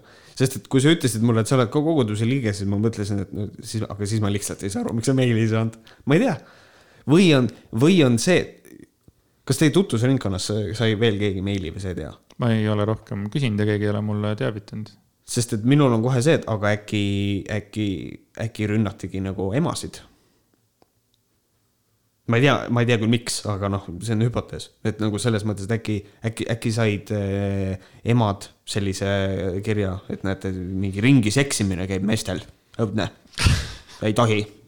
mitte ainult meestel, paaridel. paaridel, just jaa, aga mina just mäletan ka seda, et, et kui vanasti oli ETV oli ainukene kanal üldse. samamoodi ju tegelikult anti ju kogu, noh, kogu asju anti ju, noh, kõiki asju ja öö-TV toimus ikka siis ja, ja, ja miks tal nagu just siis karjub, kui on mingisugune seksi asi kuskil? ma, ma, ma nagu, ma ei saa aru, viimasel ajal muidu ta ei ole väga palju seksist rääkinud, aga, aga, aga siis järsku just lendab jälle mingi asi, et nagu tead, võib-olla see on kuidagi võrreldav sellega, et kui keegi räägib mingisuguste koduste tööde tegemisest, siis lähen mina ka närvi sest et ma ei oska neid teha. ja siis võib-olla tal on nagu sama, tal lihtsalt, ta läheb endast välja, keegi ei ole teda õpetanud, kuidas see asi käib. okei okay., aga korra küsin, mis nende koduste töödega on ei, ma lihtsalt mõtlen seda, et nagu mina tunnen ennast alati natukene halvasti, kui on mingisugune asi, et äh, me oleme selle teemal kunagi ka rääkinud, et noh, kui näiteks on vaja autoremont või mingisugune kodused mingid riiulseina, siis ma pigem olen nagu see, et äh, kutsume eksperdi. sest et mm,. pärast on vaja välja kolida äkki mingisugune sihuke. kuule, üks asi veel, mida ma mõtlesin ja sa oled tegelikult üsna õige inimene, kelle käest küsida seda, kuidas sina suhtud praegusesse koolisüsteemi ehm...? see ja ma ei mõtlegi nagu praegusesse nagu praegu nagu kaks tuhat kakskümmend, vaid nagu see üleüldine nagu kogu aeg olnud, et ei et ei võeta igat inimest nagu eraldi isiksust ja, ja ei tegeleta võib-olla nende inimeste are-, et kõiki võetakse nagu ühe puuga. Äh, mina kui leian... ei sobi kampa, siis lükatakse kõrvale. Äh, nii palju, kui mina praegu ikkagi tean, on pigem see, et see asi ei ole nii, et praegu et on. asjad on muutunud või? ja, ja, et praegu on ikkagi selline individuaalsem lähenemine on nagu in, sellepärast et see on nagu parem. aga mis on probleem individuaalse lähenemisega, on see, et see paneb õpetajale suurema koormuse, sest et ta peab iga õpilasega, kui ta peab nagu iga õpilasega eraldi tegelema, siis ähm, kas on vaja lisaõpetajaid, kes saaksid seda teha? Äh, noh, see lihtsalt koormus on, põhimõtteliselt sa ei saa, eh, kui sul on klassis on kakskümmend õpilast ja sul on kümme klassi, millega sa pead näiteks tegelema, sa ei saa igale inimesele individuaalse töö teha, sa lihtsalt ei jõua seda inimlikult. et üldiselt äh, ma leian, et nagu äh, nii palju, kui ma olen kõrvalt kuulnud, eh, siis eh, pigem on individuaalsem see asi, see on, ta, ta ei ole indi-, üdini individuaalne, aga ta on individuaalsem, kui ta aga, oli näiteks mis sa arvad, kas koolisüsteem on selline sellepärast, et ei ole leitud lihtsalt nagu paremat võimalust kõikide jõudmiseni ja, ja sellepärast siis ongi, et mingid inimesed jäävadki kõrvale mingite normide tõttu nagu. olen absoluutne võhker selles, aga julgen öelda nii palju, et ma arvan, et vist küll jah, et ei ole suudetud, küll sellega nüüd tegeletakse, küll on olemas igasugused Waldorf koolid ja, ja mis iganes. et, et sellega nagu aktiivselt tegeletakse, aga sellist, eks ikka mina leian, et üha enam on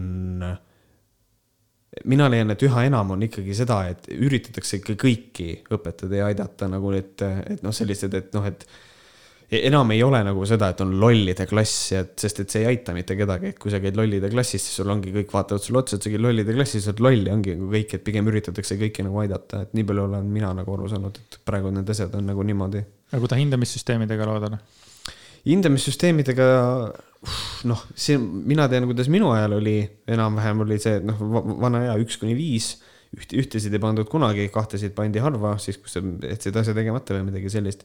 praegu, praegu ma tean seda, et see nagu on see noh, nimetagem seda siis ka kujundav hindamine, eks ole, kus on nagu see, et ongi, arvestatakse seda, et et näiteks klassi priimus, eks ole, et tema saab oma töö eest äh, viie, on ju. Äh, ja klassist keegi teine saab, saab ka viie, aga nende tööd ei ole ühel tasemel.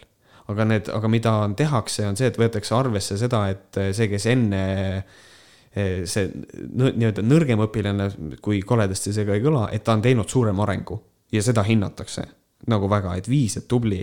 et nagu selles mõttes äh, ma soovitan väga ERR-ist vaadata äh, Urmas Vaino teeb praegu ühte saadet, kus kohas räägitakse, kus siis nagu räägitakse õpetamismeetoditest. ja need on väga põnevad, et noh, tegelikult äh, kõik uuringud näitavad seda, et lapsi on äh, selline et lapsi on vaja panna seda, et nad õpiksid, eh, et nad õpiksid õppima, peab neis õpetama seda, et nad armastaksid õppimist ja siis peab nagu lähenema läbi selle, et, eh, et nagu sa pead tegema õppimise huvitavaks. aga selline piitsa ja prääniku süsteem tegelikult ei toimi et pigem on nagu see, et kui vastatakse hästi, siis minnakse edasi. kui vastatakse valesti, siis aidatakse õpilasel ise leida õige vastuse, et noh, kõik siuksed nagu, et noh, ja otsene karistamine ei tööta, sest et see tekitab trotsi nagu õppimise vastu. et see on väga põnev, ma soovitan vaadata seda, mul ei tule selle saate nimi meelde, kas see on Tark rahvas või mis ta oli? väga lahe saade ah,. selle ERR-iga on ju veel seda, seda probleemi ka, et siin äh, tõsteti kisa, et kas see oli äkki Ekspress Meedia, äh, tõstis kisa, et äh, et ERR-i see portaal, kus sa loed uudiseid, et see võtab nagu nende leiva ära, et äh, seal ei ole ainult nende toodang, vaid võetakse ka teisi ja, ja, ja, ja samas nagu, et, et riik siis nagu rahastab ERR-i, et see on nende jaoks nagu ebaaus, kuna nemad peavad leidma reklaamiraha ja igasugust muud treni, aga ERR siis saab nagu raha ja siis saab teha uudisteportaali. oled sa kuulnud sellest? Äh, olen kuulnud, jah mind, mind hämmastab erameedia nõrkus selle koha pealt, et nagu Ehm, mina leian seda, et noh, eriti ma ei tea, kas see tuli, kas see tuli Ekspress Meedia või see tuli Eesti Meedia poolt. sest Eesti Meedias ma usun seda, et nad võivad sihukest asja öelda. aga Ekspress Meedia puhul on nagu see, et Ekspress Meedia uuriv ajakirjandus. saad kuidagi äkki ruttu guugeldada, et. et Ekspress Meedia puhul on nende uuriv ajakirjandus on nii kõrgel tasemel, et ma arvan, et neil ei ole. ma ei taha ka eksida selle faktiga, mul praegu lihtsalt tuli see meelde, et äh, sellest räägiti hästi palju ja, ja. või noh selles mõttes vahet ei ole, kumb seda ütles, tegelikult selles mõttes, et ma saan nagu aru, eh, nad tunnetavad konkurentsi ja neil on eh, mõnes mõttes alus eh, seda kriitikat nagu loopida, et tõesti jah. sest ma olen märganud, sina vist oled tarbid väga kõvasti ERR-i seda portaali on ju? jah, sest et see on hea mugav ja seal ei ole paywall'i ees mitte kunagi. põhimõtteliselt nagu sellepärast. sellest siis suure tõenäosusega probleem ikkagi ongi siis ju seal ei ole, nemad tõesti saavadki seda lubada endale niinimetatud riigi raha eest, eks ole mm. -hmm. aga samas, kui info on avalik selles mõttes ja kui, ja, ja, ja kui see tegevus on seaduslik, siis on jokk, siis ei ole mitte midagi teha me võime rääkida mingist eetilisest küsimusest, aga ma usun jälle seda, et inimesed, inimestel on õigus olla informeeritud ka. et selles mõttes ma mõnes mõttes saan aru, aga mõnes mõttes ma vaidlen nagu vastu ka. et selles mõttes, et äh, ma, ma olen enam kui kindel, et ERR ei ohusta Eesti meedia ega Ekspress Meedia äritegevust absoluutselt, ma ei usu seda hmm.. sul on mingid pay, sul on mingid payment'id tehtud, on ju, sa ikka mingeid asju näed fully, on ju? Postimehel oli, enam ei ole. ja siis mul on Äripäeva veel kuu aega hmm.. aga Äripäeva ma sain kokkuleppeliselt, sest et mul on Äripäevaga üks üritus, mida ma pean juhtima ja siis ma nõudsin, et ma tahan näha nende uudiseid ka. nojah, mul oli ka mingi aeg oli äkki oli Delfi oma, et ma saaksin kõike lugeda, mis võimalik oli ja, ja mm -hmm. kuidagi tundsin, et see ei olnud seda raha lõpuks väärt aga samas nüüd on nagu nii palju läinud sinna paywall'i taha, et ükskord oli ka mingi oli huvitav artikkel, siis ma kirjutasin sulle vaata, et kuule, sul mm -hmm. suure tõenäosusega on, saad selle äkki sinna Võhkarite sinna dokumentsi kopidena yeah.. ja sa said, siis sul oli olemas. siis mul oli olemas, mul enam ei ole, jah uh,. ma vaatasin, isegi Postimees on nüüd seda teed läinud, et kui sa näiteks kasutad adblocki, mida ma kasutan põhimõtteliselt Postimehe saidil puhtalt sellepärast, et nendel on nii palju reklaami, et ma ei taha sellega tegeleda siis neil on äh, põhimõtteliselt nüüd äh, suur bänner, mis katab pool ekraani ära. märkasime, et kasutate reklaame blokeerivat tarkvara.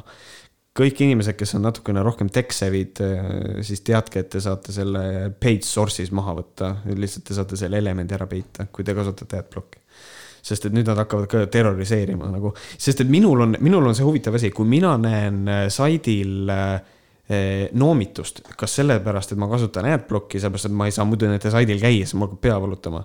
või eh, see põhjus, et, eh, et jõu, sul ei ole nagu noh, äkki sa ostad selle artikli, siis minu, siis mina tavaliselt reageerin niimoodi, et ma lähen saidilt minema. et nagu selles mõttes mulle sihuke noomimine ei meeldi, et nagu mind ei pane ostma see asi mitte mingit teenust, mis on huvitav. aga mõni on kohe, oi oh, jah, jama, ma, ma võtan tellimuse kohe ma ei tea. see noomimine on päris hea sõna või see, kui keegi surub, vaata midagi mm. -hmm. siis sa ekstra ei taha seda. ja just. Cool, selge, pillid on selged. pillid on selged, ma loodan. on sul midagi hingel veel? mul ei ole hingel veel, veel nagu midagi. ma mõtlen, et, et ehk on, vaatame, kuidas Estonia see läheb ja vaatame, kuidas, kuidas sellega tuleb. kas, kas tuleb välja, et Rootsi on meile valetanud kakskümmend kuus aastat või mitte? ma ootan huviga. see oleks küll paras tegelikult see oleks, see oleks, see oleks päris räme. sest et äh, mul on, ma hakkasin uuesti stand-up'i kirjutama ja siis see äh, Estonia asi tuli, et ma mõtlen seda, et noh, et, et ikkagi in, mõnel inimesel võib-olla tekib probleem, et noh, aga kui, kui Rootsi on meile nüüd valetanud nii palju, siis kuidas me saame oma vennasrahvast hakata vihkama? me ju ei saa. ja siis ma leian seda, et tegelikult EKRE, noored ekrelased, kes on rassistid, on, neil on nagu see, et ei, Rootsit praegu saab vihata küll väga, väga, väga edukad, seal on praegu nii palju mustanahalisi, siis me saame Rootsit vihata küll.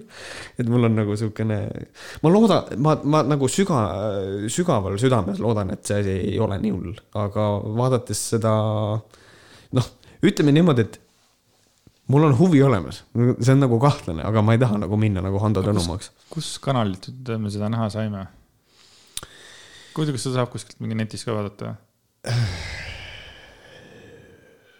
sest praegu mul tekkis sihuke tunne, et nagu kõigil oli kohe olemas see kanal võtta. kõik kohe teadsid, millest räägitakse, on, Helme rääkis ja Ratas rääkisid, kas kõigil oli see kanal võtta kohe või mm.? mis kuradi kanal see oli üldse? ma ei, ma ei mäleta. kõik oli nagu nii informeeritud või seal ka äkki näidati veel telefoniga, et Mart näitab Martinile, kuule tšeki seda tšeki seda, päris äge. näitas seda auku, vaata, ma olen kogu aeg rääkinud, tead oh,. nägin seda Helme äh, emotsioonikat äh, sõnavõttu selle kohta see oli ka niimoodi, et meil on kogu aeg valetatud, et Mart Laar, et tee suu lahti, mida sa ta-ta-ta-ta. Vau, väga, väga emotsionaalne jälle, et yeah., et mida te olete varjanud kogu aeg.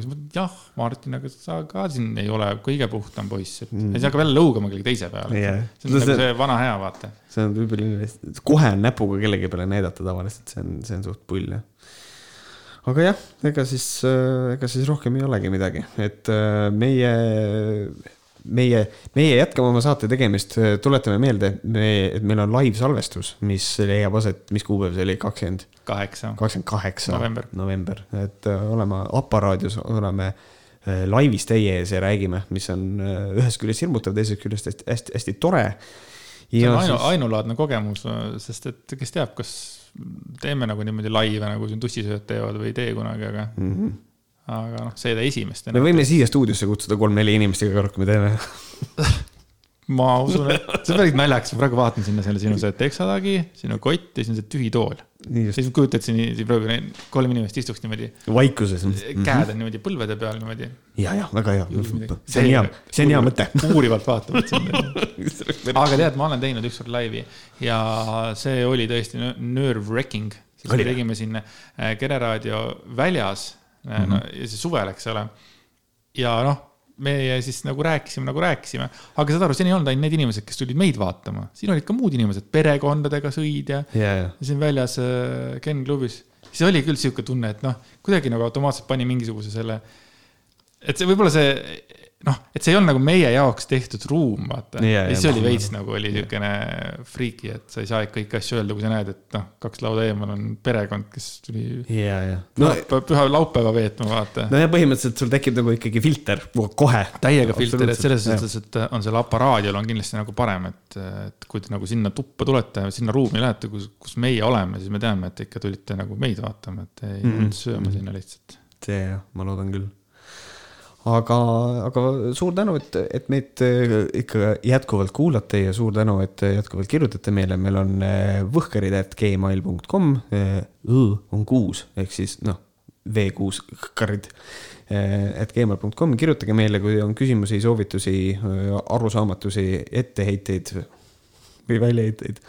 et siis äh, pange, pange meile kohe meili ja kui me ei kohtu enne teiega, siis äh, kindlasti kohtume teiega järgmine kord, aitäh ah,. kui ilusti öeldud, tšau. tšau